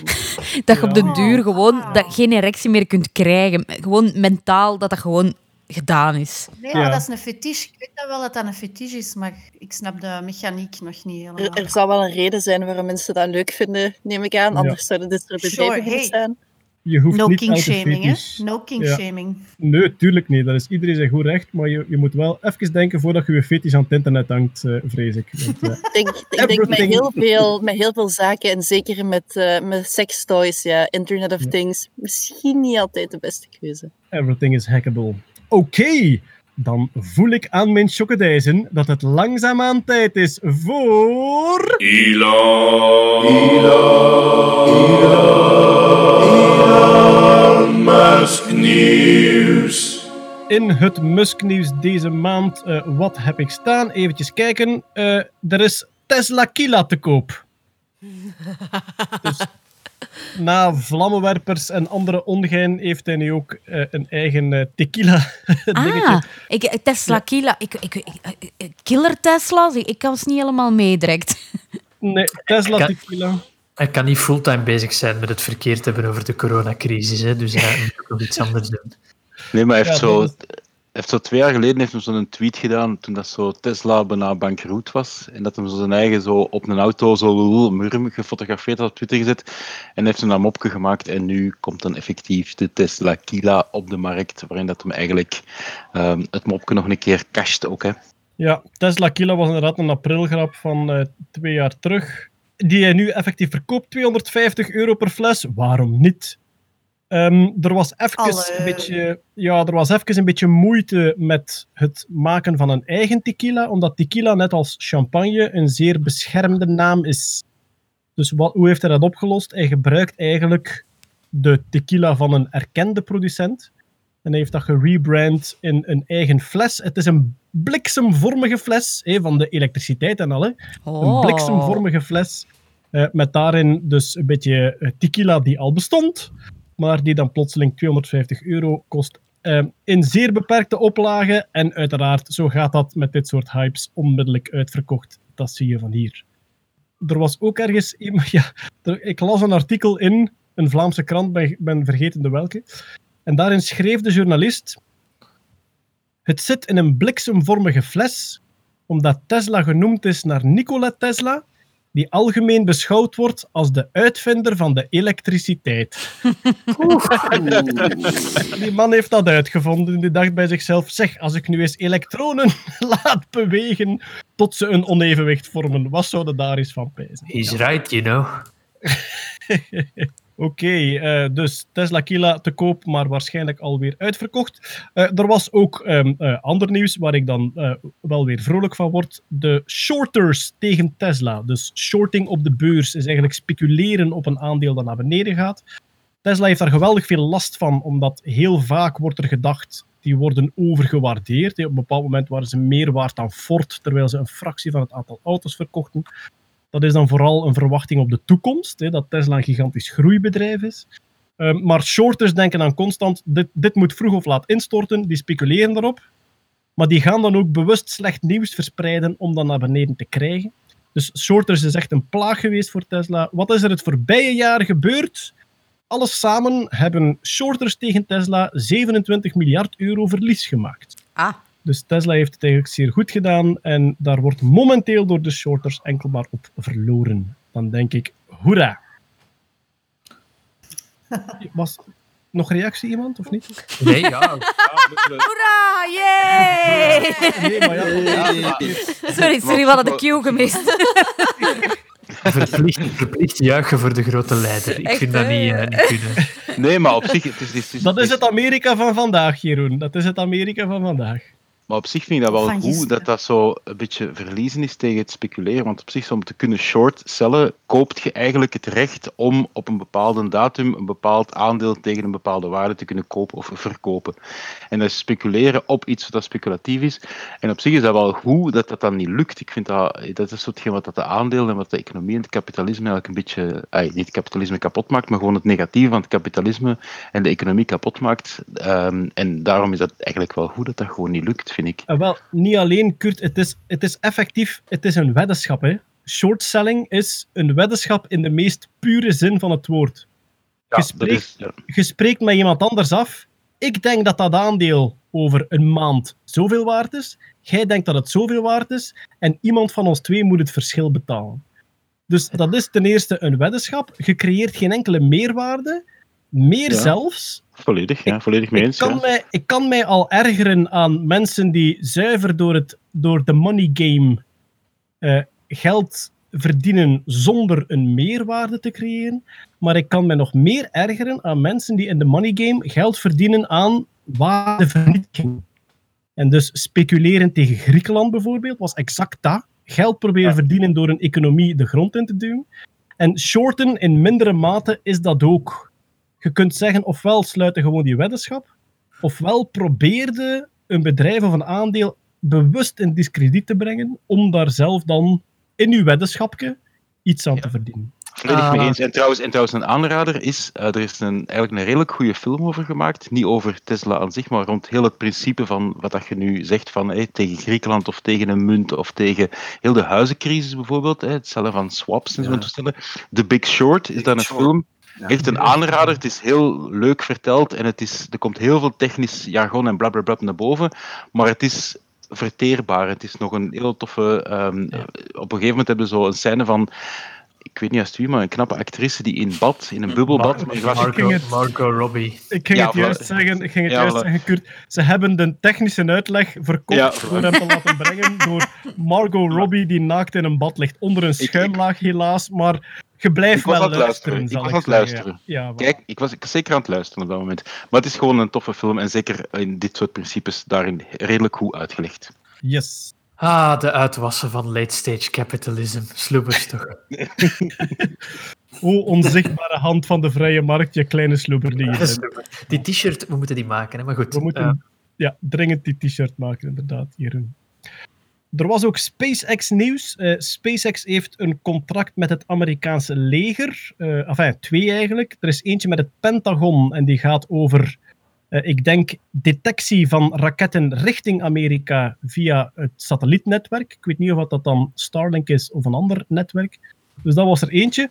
Maar de andere, en die is, die is een, een, beetje recenter en is ook eh iets spectaculairder, is een, ehm, ja, een cargo-contract om materiaal te leveren naar elke plaats in de wereld binnen het uur.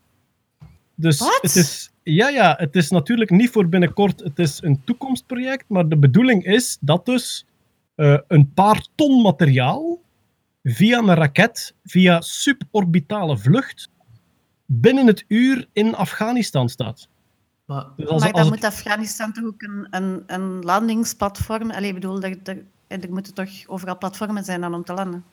er moet, heel, ja, er moet heel precies geland kunnen worden. En daarover is er nog niets bekend. Is dat, is dat het soort landingstechnologie dat je hebt van de Falcon 9? Als dat zo is, ja, dan heb je eigenlijk maar ja, wat is een paar tientallen vierkante meters nodig met de precisie dat die landen om ergens neer te komen. Is dat een systeem dat je na een suborbitale vlucht eigenlijk ehm, ja, afremt in de atmosfeer en dan met een parachute neerkomt, dan is het al moeilijker om precies te zijn. Dat weten ze nog niet. Maar het zit een beetje in dat verhaal dat ze in een tijd ook met de Starship verteld hebben van je kunt na, naar Australië in anderhalf uur hè, met een bemand schip in de verre toekomst. Het is een beetje dat.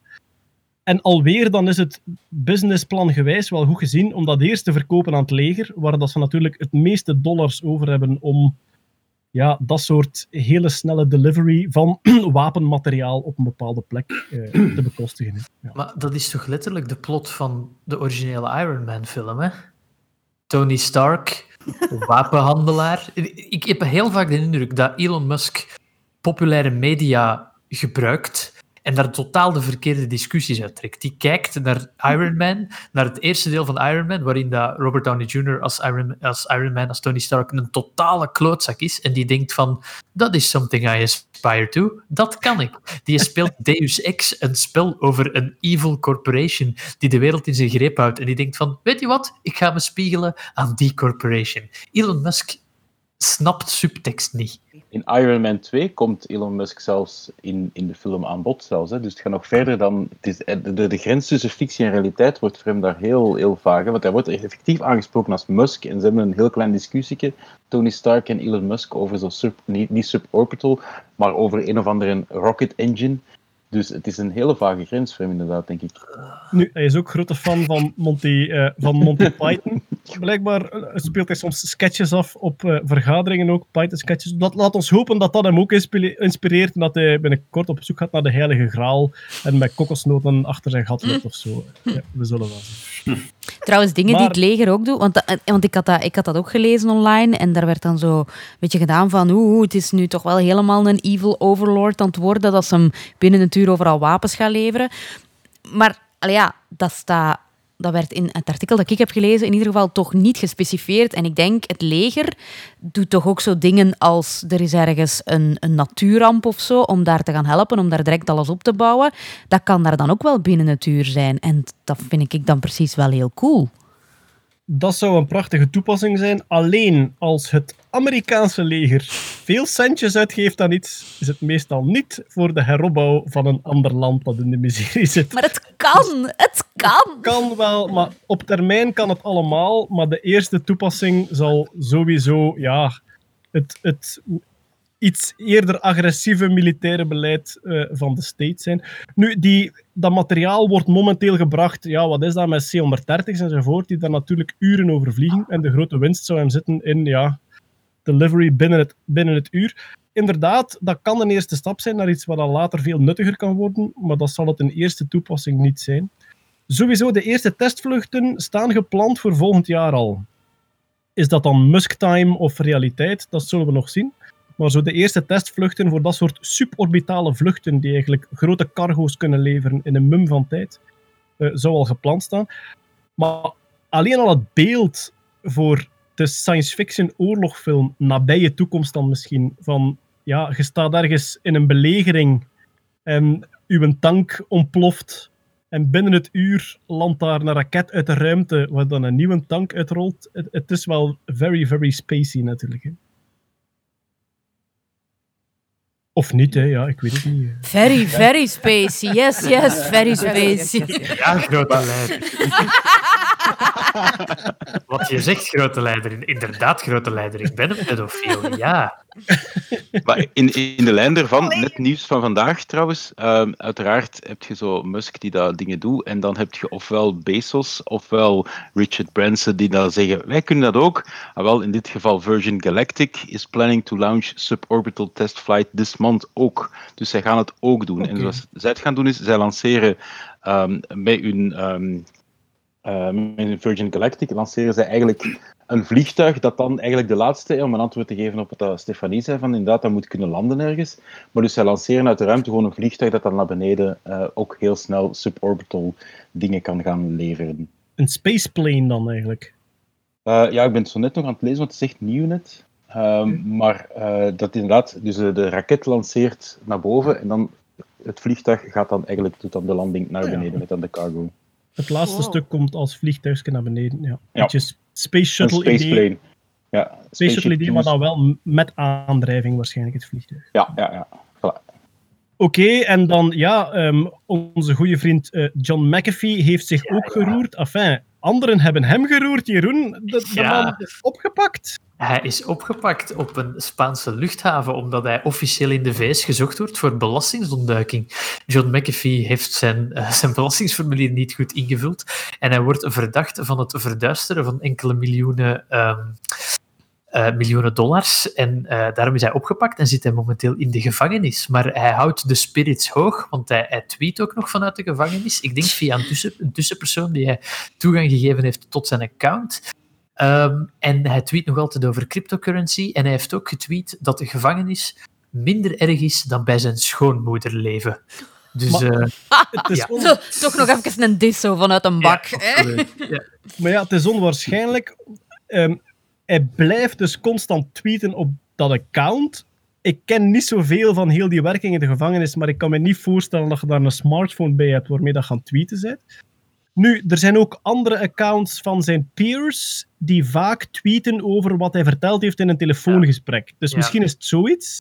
Het is sowieso met een tussenpersoon. Of die, of die zit daar gewoon met een, met een smartphone in zijn piepenolken, hè? Allee, ja. Dat is waar. Ah ja, wie weet. Maar hij heeft allerlei tweets de wereld ingestuurd en ze, gaan, allee, ze worden allemaal gekker. Hij had het onder andere over, zie nu, eh, in Spanje dragen de gevangenen onderbroeken in de douche. Dat vond hij al wonderlijk. Hè. Dus Spaanse, Spaanse gevangenen willen blijkbaar niet naakt zijn en elkaars bij zijn.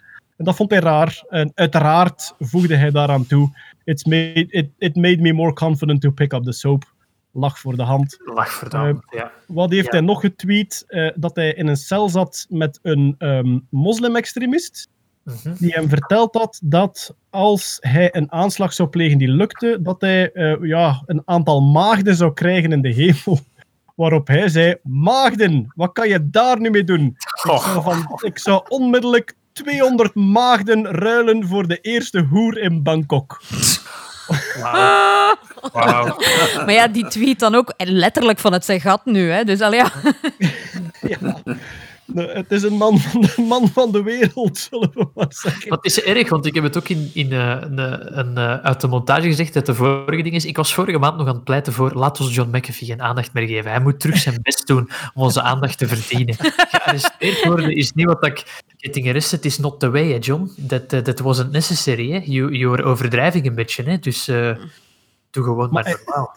Hij is gearresteerd in Spanje, terwijl het laatste wat ik ervan wist, was dat hij met de string van zijn vrouw over zijn bek in Noorwegen rondliep. Ja, op een vliegtuig naar Spanje waarschijnlijk, ik weet het niet. Ja. Volgens mij kan je op een uur eenderd waar ter wereld staan. Dat is Carmen San Diego van onze tijd. En dat hij wapens mee heeft, daar zijn we ondertussen ook eh, Voilà. vrij zeker van. Ja. Ik denk dat hij nog steeds kandidaat is voor de presidentsverkiezingen, trouwens. Net als Kanye West, hè, Kanye dus West, ja, ja, deelgenomen en eh, verloren, eh, helaas. Ik, ik, las, ik las vandaag de reden dat van sommige staten de stemmen nog niet binnen zijn, is stiekem omdat Kanye West daar gewonnen heeft en die staten niet weten hoe dat ze dat aan ons moeten vertellen. Dat zou best kunnen, ja. Oké, tot daar het Musk-nieuws. We hebben nog een paar dingen staan. Laat ons beginnen met een nieuwe ontdekking in de menselijke anatomie. Ik ben er altijd verrast over als er nieuwe cellen of nieuwe lichaamsdelen ontdekt worden, omdat ik in de naïeve idee leef dat wij het lichaam ondertussen goed genoeg kennen. Maar dat is zodanig complex en vaak minuscuul dat er nog nieuwe dingen gevonden worden. Dit keer zelfs in Nederland, Stefanie. In Nederland is er ja, het klinkt zo gek. Een nieuwe speekselklier in het menselijk lichaam ontdekt. Ja, en net zoals in de verkiezingen in de Verenigde Staten is het momenteel nog niet echt gekald, maar eh, de, hetgeen wat we nu zien is eh, redelijk overtuigend. Dus eh, Nederlandse kankeronderzoekers waren eh, ja, kanker aan het onderzoeken. En ze doen Wat kankeronderzoekers meestal doen. Even, even checken bij Hetty. Je hebt ook kanker onderzocht. Klopt het wat ja, ze zegt? wij Onderzoeken kanker? kanker. Ja, klopt. Ja. Ja. Oké, maar, maar Stefanie, het was vooral de manier waarop die belangrijk is nu voor die ontdekking. Ja, eh, het gaat over eh, nucleaire medische beeldvorming. Dus eh, wat men deed of wat men doet, is ehm, een, een tracer inspuiten. En een tracer is een combinatie van een eiwit met contrastvloeistof. Voilà. En als die iets vinden, ze noemen dat ook een, eh, spoor, eh, een spoor, eh, speur, speurtracer. Ja, als die iets vinden, dan lichten die op. En eh, het ging hier specifiek over prostaatkanker. Dus eh, ja, wat gaat er dan oplichten? Ja, eventuele kankercellen in de prostaat. Eh, maar wat er ook sowieso altijd oplicht, als ze dat soort onderzoek doen, zijn de speekselklieren en de traanklieren. Ja. En we weten dat we eh, drie speekselklieren hebben. En ineens zagen ze daar iets oplichten, ook in, in, ja, in de mond, dat er redelijk hard uitzag als een, als een systeem. En blijkt voorlopig dat dat een vierde speekselklier zou kunnen zijn. Which is pretty awesome. En natuurlijk is de vraag dan van, ja, hoe kan dat dat we dat nog niet hebben ontdekt? En het antwoord daarop is, we kennen de anatomie. Je kunt een persoon eh, opensnijden en alles gaan dissecteren en zo. En dat geeft u een beeld over anatomie. Maar zeker eh, in uw mondholte, sowieso, allee, alles in uw kop, hè, er zit heel veel. En er is heel veel weefsel. En het is, eh, het is, het is, het is niet zo duidelijk in uw anatomie dat, dat bepaalde cellen of bepaalde weefsels dat die effectief een functie hebben. Dus dat is er zo cool aan in de, in de eh, beeldvorming, is dat zij kunnen zien, door middel van die, van die, van die tracers, dat bepaalde cellen, bepaalde weefsels samenwerken en toch een functie hebben. Iets wat we niet zagen in de anatomie. Dus die tracers, die tracers door zich te hechten aan bepaalde weefsels, maken die een veel duidelijker verschil. Dat je misschien door het open te snijden, lijkt het allemaal een beetje hetzelfde. Maar die tracers hechten zich daaraan, waardoor je heel duidelijk weet, ja, hier is iets anders aan de hand ten opzichte van het omringende weefsel dan. Exact, exact dat. Het is daarom niet zo duidelijk anatomisch bepaald, maar als je dat gaat functioneel uh, bekijken, dus dankzij die tracers bijvoorbeeld, dan kun je wel zien van wow, wacht even, dat en dat en dat ligt op. En dat ziet er in een systeem uit. dan kun je natuurlijk verder gaan onderzoeken van heeft dat systeem effectief een functie? En kunnen we dat dan gaan beschouwen als een nieuw orgaan, of in dit geval als een nieuwe speekselklier? Maar het, heeft dus, het is dus een, een uh, accidental finding. Het is een toevallige ontdekking. Ze waren er niet naar op zoek. Nee, ze waren er niet naar op zoek, inderdaad. Er zijn veel uh, kleine speeksels, er zijn veel kleine cellen in uw, ja, in uw hoofd, zeg maar. Alleen in uw hoofd, hoe zeg je dat dan nu? In uw kop? Ja, in uw kop. Ja. Hè? Die van alles doen. Uh, maar men had nog niet gezien dat die bepaalde stukken cellen, dat dat bepaald weefsel, dat dat eigenlijk een soort structuur vormde. Ja, oké. Okay. Wonderlijk. Allee, ik vind dat ik vind het echt een, een, een ontdekking van, van een anatomische ontdekking van dat niveau verwachten gewoon niet meer in, in this day and age, denk ik. Zo plotseling een nieuwe speekselklier ontdekken. Voor mij klinkt dat als ah, wel, onverwacht nieuws. Dat is inderdaad onverwacht, maar het is geen anatomische ontdekking, het is eerder een uh, fysiologische ontdekking. Hè? Het is Ah, eerder functioneel. Ja, we weten wat daar allemaal in zit. Hè? Ik zeg het, je kunt dat, je kunt dat allemaal opensnijden en je kunt dat allemaal dissecteren, maar uh, de functie ervan, die is daarom niet zo heel duidelijk. En daar komt de nucleaire beeldvorming van pas, omdat die dan effectief uh, bepaalde eiwitten en een bepaalde cellen en bepaalde dingen gaat kunnen dingen oplichten, waardoor dat we ineens zien van hé, hey, wacht, dat en dat en dat en dat, dat is een systeem en dat doet iets. Ja, dat is uh, het, het verschil tussen anatomie en, en fysiologie, heb ik al vaak gehoord van vrienden, is geweldig belangrijk in ja, alles wat over het lichaam gaat. Ik heb dat natuurlijk als natuurkundige nooit mee te maken gekregen. Als ik me niet vergis, anatomie is wat zit waar. Uh, hier zit het hart, daar zitten de longen, daar dus waar is het geplaatst. En fysiologie is dat meer hoe het werkt? Of is, is, Ja. daar, is daar een duidelijke Ja, ja. definitie Nee, van? nee, dat klopt.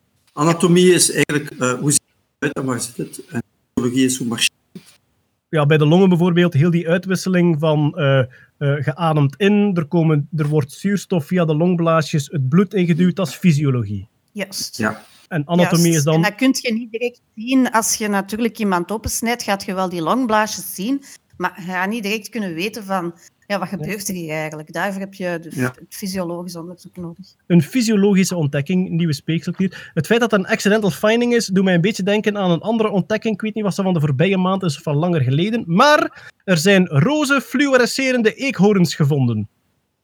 Ehm, en daar waren ze niet naar op zoek. Eh, wat blijkt, bepaalde korstmossen lichten fluorescent op. Hoe fluorescentie werkt, Hetty staat onder andere in het nieuwe Nerdland doeboek voor de kleine nerds, niet waar? Klopt helemaal. Uh, maar daar gaan we het straks nog over hebben. Uh, dus fluorescentie, je schijnt daarop met UV-licht en er komt een andere kleur licht terug. Bepaalde korstmossen kun je op die manier detecteren. Dus er waren onderzoekers aan het rondlopen in de jungle, op zoek naar korstmossen. Met een UV-lamp s'nachts schenen zij rond. Wat verscheen er in plaats van een korstmos? Een roze fluorescent oplichtende eekhoorn. En sindsdien zijn, ze, sindsdien zijn ze blijkbaar echt een hype onder biologen. Dus iedereen met kennis van zaken die trekt daar nu naartoe om de fluoroze eekhoorns te zien. Bij nacht en ontij. Het zijn zelfs vliegende eekhoorns, hè? Is het echt? Ah, oké. Ja, ja. Artikel op Dus- National Geographic. We zetten het in de show notes op uh, maandoverzicht.podcast. Uh, nee, nerdland.be. Ofwel dat er iemand iets te veel aan de test aan de zit. Oh. URL is juist, het is maandoverzicht.nerdland.be. Die URL is nooit waarom, waarom is het niet podcast.nerdland.be? Is het al bezet? Wat, wat is de reden erachter? Anders moeten we die gewoon laten doorverwijzen naar maandoverzicht. Oh, dat Echt bestaat, alles wat dat je voor nerdland.be kunt zetten, moeten we gewoon...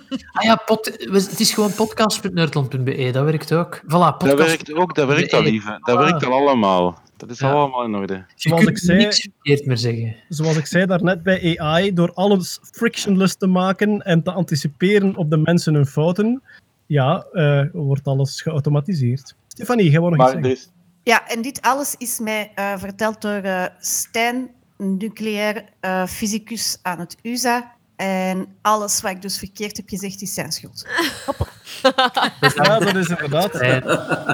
Dat is, eh, dat is een van de gebieden waarin dat fysici en de geneeskunde terechtkomen. Hè. Dat is die nucleaire beeldvorming en eh, eh, nucleaire Ik moet ook, geneeskunde. ik moet ook nog iets zeggen. Heel interessant. Er zijn heel veel mensen die ons tips doormailen en leuke dingen via de mailbox en zo. En soms denk ik van, oh nee, zijn die mensen aan het wachten of dat, dat in de podcast komt of niet? We hebben zoveel shit op ons bord. Dus als je iets mailt, dat is keihard geapprecieerd. Maar de kans dat het in de podcast komt, is wegens de hoeveelheid aan dingen redelijk klein. Maar ik, ik lees elke mail, ik antwoord op elke mail en het is zeker geapprecieerd. Dus ook al denk je van, zeg, ik ben hier in de wind aan het pissen, we lezen het en we appreciëren het. Dank u wel. Ja, inderdaad, maar ik merk het op Twitter ook. Mensen sturen heel vaak suggesties door. Eh, heel veel daarvan komen ook in onze grote vergaarbak waar wij dan uit kiezen.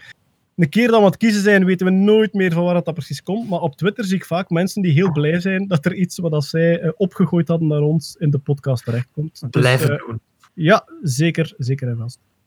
We gaan nu over naar een klein experimentje. Namelijk, kunnen wij een quickfire round doen? Eh, er, zijn, er zijn deze maand, een keer, ik ga eens een keer tellen, ja, vier zotte dierennieuwsjes. Er is er geen enkel met kak. De kak hebben we al gehad.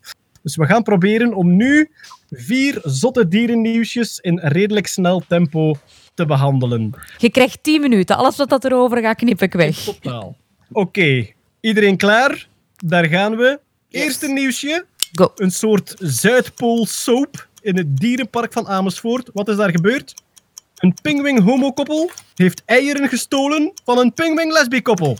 Typisch die homo's, hè, jongen. Echt waar. Geen tijd voor reacties, jongens. Er is een die zo die, heeft, die hebben eieren gekregen. Dat is heel vaak dat zo'n onder elkaar eieren uitwisselen voor, eh, voor eh, niet-hetero koppels. En die eh, lesbiennes waren op dat ei aan het passen. En de, de homo, het homokoppel van Next Door, de volgende steen verder, heeft op een bepaald moment dat nest ingepakt. En die broeden nu op de eieren. eieren. Dus die hebben eh, ja, de eieren gestolen. Maar zullen dat kind ook met heel veel warmte opbrengen en het ei laten uitbroeden. Dat is er gebeurd. Dat is blijkbaar heel normaal. Trouwens, de, de eh, homoseksualiteit eh, komt procentueel vaak voor bij penguins. Ehm, dat is zo per diersoort. Allee, van sommige diersoorten is dat redelijk goed bekend. Bij penguins komt het vaak voor. Ik denk bij giraffen ook. Eh, en er zijn... Ja? Ik moet mezelf corrigeren. De beide koppels passen om ter beurt op het ei. Dus het is een soort van... Oh. een Co-ouderschap. Ja, ja, ja. Ja, Het is een beetje, het is een beetje een soort Casa Rosa in Amersfoort. eh, in absoluut. Ja. Oké, next. Go, go, go, go, go. Eh, volgende, eh, ja, iets minder idyllisch. Naakte molratten kidnappen kinderen van naakte molratten uit andere nesten en houden ze als werkslaven. Ja, klopt. niet Eh, nieuws, heel snel, dus eh naakte molratten, die, eh, die, die, eh, ja, die, die werken een beetje zoals bijen. Hè. Je, hebt een, je hebt een koningin en die plant zich voort en die vindt eigenlijk andere, eh, andere werksters om zwanger te worden en te bevallen. Niet alleen dat, zij vallen andere kolonies aan. En inderdaad blijkt dat als zij andere kolonies aanvallen, dat zij dan wel eens een keer eh, een paar babymolratjes meenemen, om die dan in te zetten als werkslaven in hun eigen kolonie. Kleine klootzakjes. Trouwens, ja, de naakte molrat, we hebben het er hier al een paar keer over gehad. Het is een uitermate intrigerend beest. Het, is, het heeft geen vacht. Het leeft eh, uitsluitend onder de grond in een grote burcht. Ze zijn zo goed als resistent tegen kanker, worden daarom ook onderzocht in vele labo's. En het is immens uitzonderlijk voor een zoogdier om in dat soort kolonie te leven, met dus één koningin die zich voortplant en dan onvruchtbare werksters die daarvoor zorgen. Peter, ja, het is een van de weinige, misschien het enige eusociale zoogdier. Want eusocialiteit is dan het Buiten. feit dat Ja. de kolonie in dienst staat van één voortplantende koningin. Ja, buiten natuurlijk eh, de hogere primaten, hè, de mens bijvoorbeeld. Hè. Dus eigenlijk wordt, worden wij ook beschouwd als sociale. Ja, goed, nu heb je het over uw Maar- grote held E.O. Wilson, eh, maar Ja. wij, zijn, wij zijn niet in die mate fysiologisch eusociaal dat elk individu wel gewoon vruchtbaar blijft. Stel u voor dat Mathilde alle kinderen in België zou moeten krijgen. Ja, en als Philippe de Pa zou zijn, zou het niet goed komen met het land. Eh, Ehm, naakt, ik nog één ding zeggen? naakt de modder, dat was tegen zo, tevens ook mijn totem op de scouts. Omdat jij altijd graag kindslaafjes maakte van de anderen. Dat is een pijnlijk seksueel verhaal waar we geen tijd voor hebben. Go, Stefan. omdat, omdat, jullie Ja, duidelijk, eh, eh. omdat jullie duidelijk wel de onderbroek uitdeden in de douche, eh, niet waar? Stefanie, Ja, ik wil nog één ding zeggen wat ik echt onwaarschijnlijk vind aan die naakte molratten. Die kunnen dus maar liefst 18 minuten zonder zuurstof. Dus die gaan gewoon zonder zuurstof en alles ligt plat. Die zijn eigenlijk bijna schijndood. En dan pompt er daar terug zuurstof in en hopla, die leven weer. maar het zijn zonder meer echt waar immens boeiende beesten, naakte molratten. Verdiep er u gerust in, alleen helaas hebben ze nu al van hun pluimen verloren. Hé, hey, dat kan niet, want het zijn naakte. Hebben ze een paar van hun pluimen verloren, omdat ze dus andere burchten binnendringen om daar kinderen te pikken die ze inzetten als werkslaven in de eigen kolonie. We gaan nog even verder over eusocialiteit. Peter, eusocialiteit kennen we van bij mieren, wespen Mieren, bijen, wespen en, en termieten. en termieten, maar niet alle wespen en niet alle bijen. Je hebt ook solitaire wespen, solitaire bijen. Maar dus dat heel typische systeem, de kolonie, met één koningin die een soort legbatterij is en de rest die zorgt dat alles verdedigd wordt, kennen we van Ja. bij die beesten. Maar nu zijn er zowaar eusociale kakkerlakken ontdekt. Ja, en dat is niet zo ongewoon, maar het is de eerste keer dat ze een kolonie hebben gevonden. Want, ehm, strikt genomen, zijn termieten sociale kakkerlakken. Dus termieten werden vroeger beschouwd als een aparte insectenorde, maar ze zijn ondertussen, en dat is al heel lang, hebben, ze, hebben een aantal biologen gezegd van ja, maar volgens ons zijn het eigenlijk sociale kakkerlakken. En dat is een aantal jaren geleden ook bevestigd. En dat is vooral gebaseerd op het feit dat zij, ehm, dus termieten eten hout, en die hebben bepaalde eencelligen in hun darmen die dat hout moeten kunnen verteren. Nu komen die eencelligen overeen met bepaalde soorten kakkerlakken. En eh, daarmee vermoeden ze dat eigenlijk termieten sociale kakkerlakken zijn. Maar die, hebben, die zien er anatomisch een beetje anders uit. Maar wat hebben ze nu gevonden? Nu hebben ze echte kakkerlakken, die er echt ook uitzien als een kakkerlak, inderdaad gevonden in een kolonie in Ecuador. Met een koningin, met werksters en met dus heel die os- sociale structuur. Oké. Sociale kakkerlak was mijn totem eh, bij de scouts. Dus, eh, Ook omwille van een pijnlijk seksueel verhaal waar we het niet over gaan hebben. Op die twijfel. Nog twee dieren te gaan. Kom op, kom op, kom op. nog één diertje. Nou, maar. Eh, we hebben nog één diertje te gaan, Stefanie. Namelijk, vrouwelijke mollen groeien testikels in hun eileiders om agressiever te zijn. Oeh. Ja, Wie, eh, wie dit als totemnaam had, petje af. Petje af. allee, you stole my joke. Dat ging de mijne zijn. Hoe Ja, oud, hoe oud moet je onder de zijn om nog een totem te mogen krijgen? Het leven onder de grond is hard. Je moet daar vechten voor je territorium. Daar is geen licht. Dus je moet daar super agressief zijn. En wat heb je daarvoor nodig? Testosteron. En als je twee eh, X-chromosomen hebt, dan eh, gebeurt dat meestal niet. Tenzij dat je ovotestis hebt. En dat is een fenomeen waarin dat je eileiders hebt die ook nog een stukje eh, testiculair weefsel hebben, waardoor dat je dus wel degelijk testosteron aanmaakt. Dus dat zijn vrouwtjes, vrouwtjes met een stuk eh testikelweefsel, waardoor dat zij testosteron aanmaken en dus zeer agressief kunnen reageren op eventuele intruders down the ground. Ja, want mollen leven ook solitair. Hè. Roald Dahl heeft ooit een boek geschreven, ik denk A Year Round dat het heet, heeft ook een boek geschreven over zijn tuin en wat er allemaal leeft en gebeurt doorheen het jaar. En die had het over de mol als het meest grumpy asociale beest dat er is. Leeft solitair in zijn burcht. Vanaf dat er te veel lawaai is, zijn die weg. Die kunnen daar niet tegen. En eh, als ze willen paren, graven ze snel een gang naar de burcht van het vrouwtje. Eén keer poepen en terug en de gang dicht om vooral elkaar nooit meer te zien. Eh, is dat een nieuwe die, die ontdekking? nee, die ovotestis, dat wisten we al. En dat gebeurt trouwens ook bij mensen. Dat noemen ze dan hemafroditeit, waarin dat er inderdaad zowel vrouwelijke als mannelijke ehm, geslachtskenmerken zijn. Eh, wat men nu wel heeft ontdekt is wat daar de genetische, de, de genetische component van is. Dat is super ingewikkeld. Dat gaan we dan wel in de show notes zetten. Je moet dat maar, eh, je moet dat maar lezen. Maar ehm, bij mensen is het een, is het een wat ons, het is geen afwijking, maar is het, is het een anomalie. Hè? Maar bij mollen, bij vrouwelijke mollen, is het blijkbaar eh, ja, dagdagelijkse kost. Hè. Ja. Ja. Intersex. Een deel van de, deel van de fysiologie van de mol. Oké, daarmee hebben we het eh, snelle dierennieuws gehad.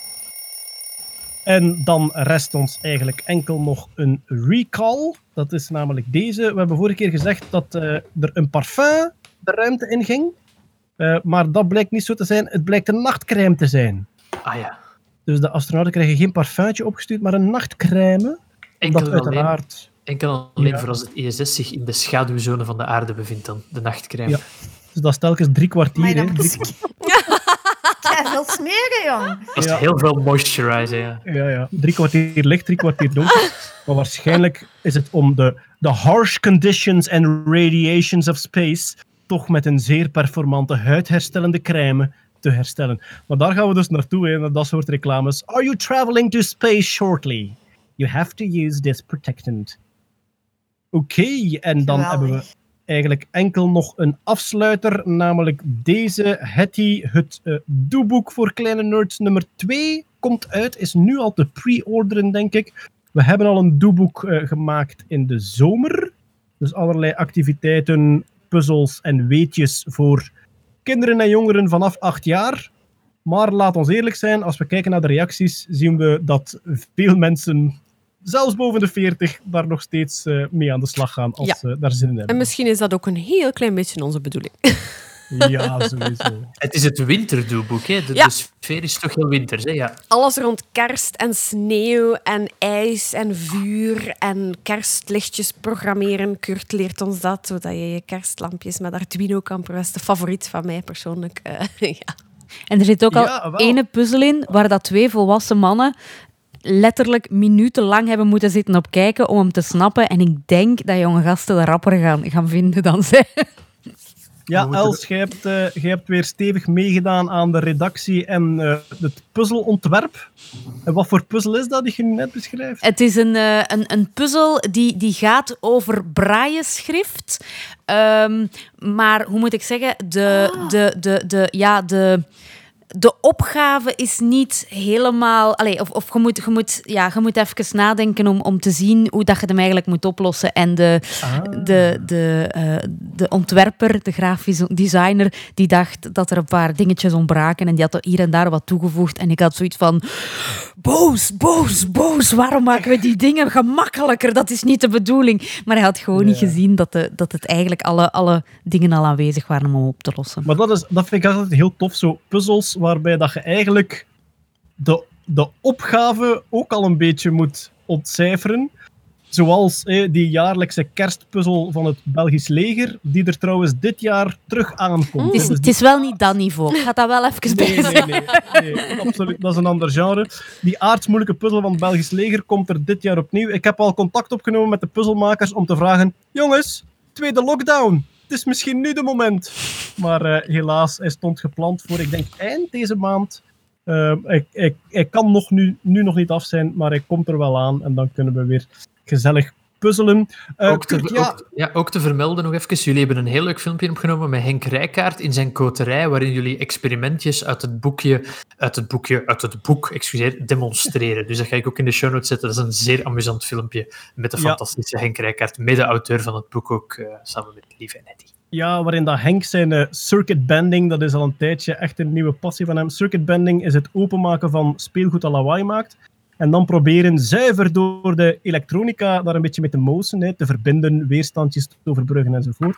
Om dat geluid te veranderen en daar dan nieuwe dingen mee te maken. Kurt, inderdaad, het programmeren van kerstlampjes. We hebben het er even over gehad, Kurt, van ja, je kunt je kerstlampjes laten flikkeren met ofwel analoge elektronica, zoals dat altijd in de adventskalenders van Conrad.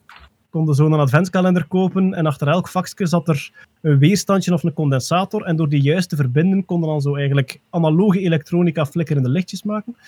Jij wou liever werken met het programmeren via Arduino.